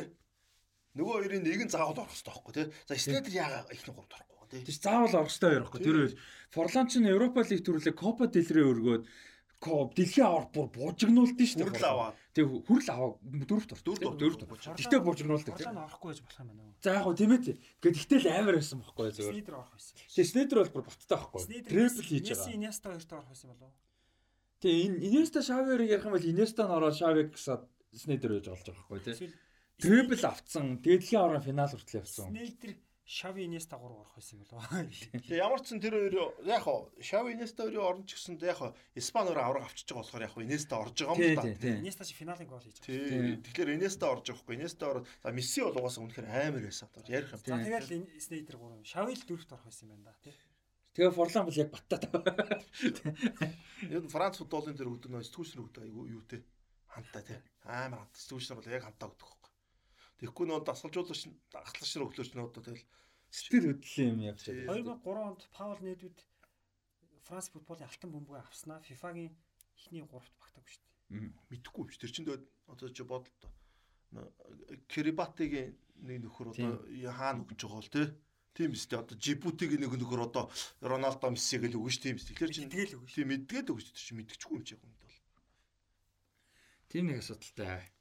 Мэдээч ялахгүй те. За миний бол ял мэдж байгаа байх снайдер дээр. Ялахгүй байхгүй надад чи. За энэ үйлрэл бас бас нэг онцлох юм юу гэхээр нөө өмнөх үйлрэлт нь бүх э, Европын бүх тэмцээн төрүүлсэн Барса клубүүдийн дэлхийн арга шалралт тэмцээнд очсон. Аргентины алдарт студентцтай үдсэн. Тэгээ хожигдж ирсэн. Ингээд цаг дуусчихад баг шүүгчийн мэдлийн цагт Месси нэг мөрөөрөө гол идэх те. Тий. Тэгэж одоо студентцтай Верон тоглож исэн. Тэгээд нэг нэгээр тэнцээ. Тэгээ нэмэлт цагт Барса хожоод одоо тэр үйлрэл бол дэлхийн бүх 6 тэмцээнд төрүүлсэн анхны Sextuple. бол болсон. Авсан анхны баг болоод яг Гвардиола яг тэрэн дээр бүр ингээ нөө 6 цам тэмцээнд оролцоод зургууланд нэг жил төрүүлсэн анхныг болоо яг үлдэг бүр. Тэгээд Тэр бол үнэхээр гоёс. Guardiola гэдэг засгалжуулагч бол одоо хөл бомбоход асар том өөрчлөлт, шинжилэлт, хувьсгал авчирсан. Одоо яг хүмүүс ингээд амжилтыг ярьдаг л да баян даваагүй. Энэ бол өөр юм те. Хөл бөмбөгт хувьсгал авчирна гэдэг бол дайнд ялаагүй жилтэй дайны одоо нэг юу нөхцөл байдал, техник технологи юу бол хамаагүй өөр болгож ирсэн. Энд чинь зориулаад одоо ингээд юу ажиж штэ хөл бөмбөг айгүй хурдан өгсөсөд нисрэг байгууд нь хөгжиж штэ. хөгжиж ш давхар. Би тэгээд Горделыг яадаг байхгүй. Гордело нэг асар том гэ тактик ингээ шинжилгээ авч явдаг учраас шигшээ багаад асар тэмдэглүүлдэг. Испани шид асар том нөлөөдсөн. Герман. Луис Арагоноос 2008 онд босгосон чинь Луис Арагоносын Испани а Делбос а тий Аргоноос Арагоноос тийм, 8 онд а, Арагоноос хэрвээ босгоо яа Гордело байгаа бол Арагоносын баг 8 онд төрүүлчихэл Тэгэл 10 12 онд төрүүлэхгүй байх. Тийм. Магадaltaй байхгүй. Тийм тийм. Тэнгүүл тэр ингээд Guardiola ингээд яатсан. Тэнгүүл Bayern дээр очиж Германы шиг бас шал өөр болгоцсон. Тэгээд одоо Англи- англ тийм. би бүр энийг бүр 10 жилийн өмнө хэлчихсэн. Хүмүүс болохоор аа за тийм байхгүй Guardiola өөдөртөө өөдөртөө мөртөртөө биш чи тэ. Хөлөө мөт Англиг одоо шүгэн дөрөвт ингээд өвдөл шүү дээ. Одоо 90 оноос хойш бүрдүүн тоглолтын хэм маягийн ч гэсэн харалтаа тийм. Энийг хэдүүлээ нэг сэдв болгож ирээ. бас тгий те. Тий сэдв болоо. За Тэгэл одоо Southgate Southgate-д хүртэл нөлөөлж штэ англи хөлбөмбөг. Өө ер нь дэлхийд нөлөөсөн тийм. Аа дэлхийд л яг зөв англи хэлж Одоо байгаа явж тэгвэл байгаа. наа чи ахаа зур би нэг жи- жижиг нэг дамнуулын Испани багууд нөө жижигүүдээ алддаг болсон байхгүй Европа лиг төрөөсөө. Яг тэр Гордод нөхөхгүй. Барсата яаж тоглох вэ тэр тактик асар том шинжилж байгаа тэр багууд Европа лиг болохоор бус багууд амар жуу санагдаж байгаа байхгүй. Дандаа л тэгээ Севиа юу Сиви Атлетико байдаг. Тий. Дундуур нөгөө хэд нь хайлталд орж За ирсэн. тэгээд ингэсэн тэр 2010 оны хаварч юу болсон бэ гэхээр 10 оны дэлхийн арга шалралт тэмцээнийг өгцсөн видео шторкны үйл ажиллагаан дээр Пике, Шакира хоёр танилцсан. Тэгээ цаашаа За мэдж байгаа аагүй үү. Тэр нь тэгээ Катарын дэлхийн оргон дуслаа гэдэг. За Яг нэг үе 12 жил явсан. Юу яагаа ахгүй гэж. За тэгээд энэ үрээд өндөрлөх үү? Аа, Дотоо үлдсэн юм байгаа. Энэ зүйлээр. Байхгүй. Аа, гоё санаж байгаа гол юу вэ? Санаж байгаа санд нь оруулж штэ. Яг энэ үйлээс. Давид Вилагийн эргэдэг чинь биш та тэр чинь хамаагүй юм те. Бодоод байгаа. Надад нөгөө нэг яг дэлхийн арга гэр жоохон Форланы нэг хэд хэдэн гой гоолууд санаад орж лээ Атлетико Орлон ч бас амар гол шүү. Тийм шүү дээ. Айгу. Тэгээ Форлан ч нөгөө гол ихтэйгээс гадна амар гой гол оруулдаг тий. Тэр нэг төгөө. Бид нар бодож цогч барууслагаагүй те. өстой гой. Зоригтой цогч шүү. 9-өөс 10 он 9 оны 100-аас эхэлж байгаа шүү дээ. 9 оны 100 бас нэг харамсалтай үйл явдал болсон. Английн агууд санжуулагч Сэр Брайан Робсон бурхан болсон. Тэгээ тэр үед бол англи даяар эмгэнжсэн шүү дээ. BBC, BBC бүх сайт юусэн Боб Робсон. Боб Робсонд зөрөөс тэр 7 сарын 26-нд гэдэг баха нэг Англи Германы багууд нэг хорт хавдар тусцсан. Имчилгээнд нь хандив өгөх гээд тоглолт зохион байгуулад Робсон тэрэгэн цэртэ гарч ирж байгаа. Тэгээ 5 хоногийн дараа өнгөрч ирсэн. Тийм нэг харамсалтай юм болж ирсэн. За 2009 оны 100 Confederations Cup тэмцээн болж байхад Испани шгшээ 30 хэдэн тоглолт дараалж хожигдог байж хагаад хаа шгшээд Америкийн нэгдсэн улсын шгшээ хожигдоод. Аа тийм шүү дээ. Тэгээ өглөө босоод ирсэн чинь Майкл Джексон өнгөрсөн байт. Тэгээ би яг тэр өдрийг Джексон өнгөрсөн өдрийг Испани амжилт зогслоо гэж би бас нэг бодож исэн. Тэгээ бүртгээд үтсэн чинь энэ хоёр нэг өдрийн зөрүүтэй юм байна л да. 125 дэд өгөх мэ. 26 Джексон 27. Аа, нажилтаа нэг онгоо санд орчлаа. Эхнэр нь чи ингээл гэрэлсэн өдөр юу ингээд ерөөсөө анхаарал тавихгүй гэрэл өдрөө санаж нүсч саналгүй байт юм бай Арсенал тэрийг тэдэр өцөө өдөр шүү дээ. Хангаад идэг дээ. Тэдэг өдөр Хүүхдүүд өсөө өдрийг мэдэж нүсч өө мэдлгүй байт юм бай тэр чинь Варса тэрийг тэдэр өцөө өдөр шүү дээ. 25 шиг яг дандаа. Би бол 25 бол амар сайн санаж байна. Юу ядах За дэлээ бэлээ. Аа тэгэхгүй Майкл Джексон токод дус. За энэ үрээ дуусгая. 2019 оны үеэр 13 дугаарт тоглогч асахгүй. Би бодсон. Балаг. 13 Александро Неста Балаг гэд бараг л дуусчих юм байлаа. Зөөгөө нэг ганц хоёр тий. Бага хаалгасаар л байгаа шүү дээ. Тэгээ хаалгач нар 3 дахь хаалгач нар ядчих тий. За тэгээ нүр 2 дахь хаалгач. 2 дахьгүй 12 моорч байсан тийм. За тэгээ нүргээд подкаста дуусгая. Сонирхолтой байсан гэж найдаж чинь Web Sports Lounge хамтдаа бас баярлалаа та бүхэн маань. Өөрсдүүлээрээ одоо тэгээд лиг эхэлсэн явж байгаа юм чинь бүх тоглолтуудыг үзэх боломжтой топ 5 лигийн дөрвөн лигийнх нь тоглолтуудыг үзэх боломжтой байна. Өөр activity хийх юм зөндөө. Тийм байна. Аа тэгээд тулгаад баярлалаа. Web Sports-ын Lounge хамт олон баярлалаа. Тэгээд та бүхэн сонсож байгаа үзэж байгаа та бүхэндээ бүгдээр нь баярлалаа. Энэ өртөөс баярлалаа. Одоо гол подкаст юм хамаг яриа энэ явж байгаа учраас. Тэгээд дараагийн дугаар уулзлаа баяр та. Баяр та.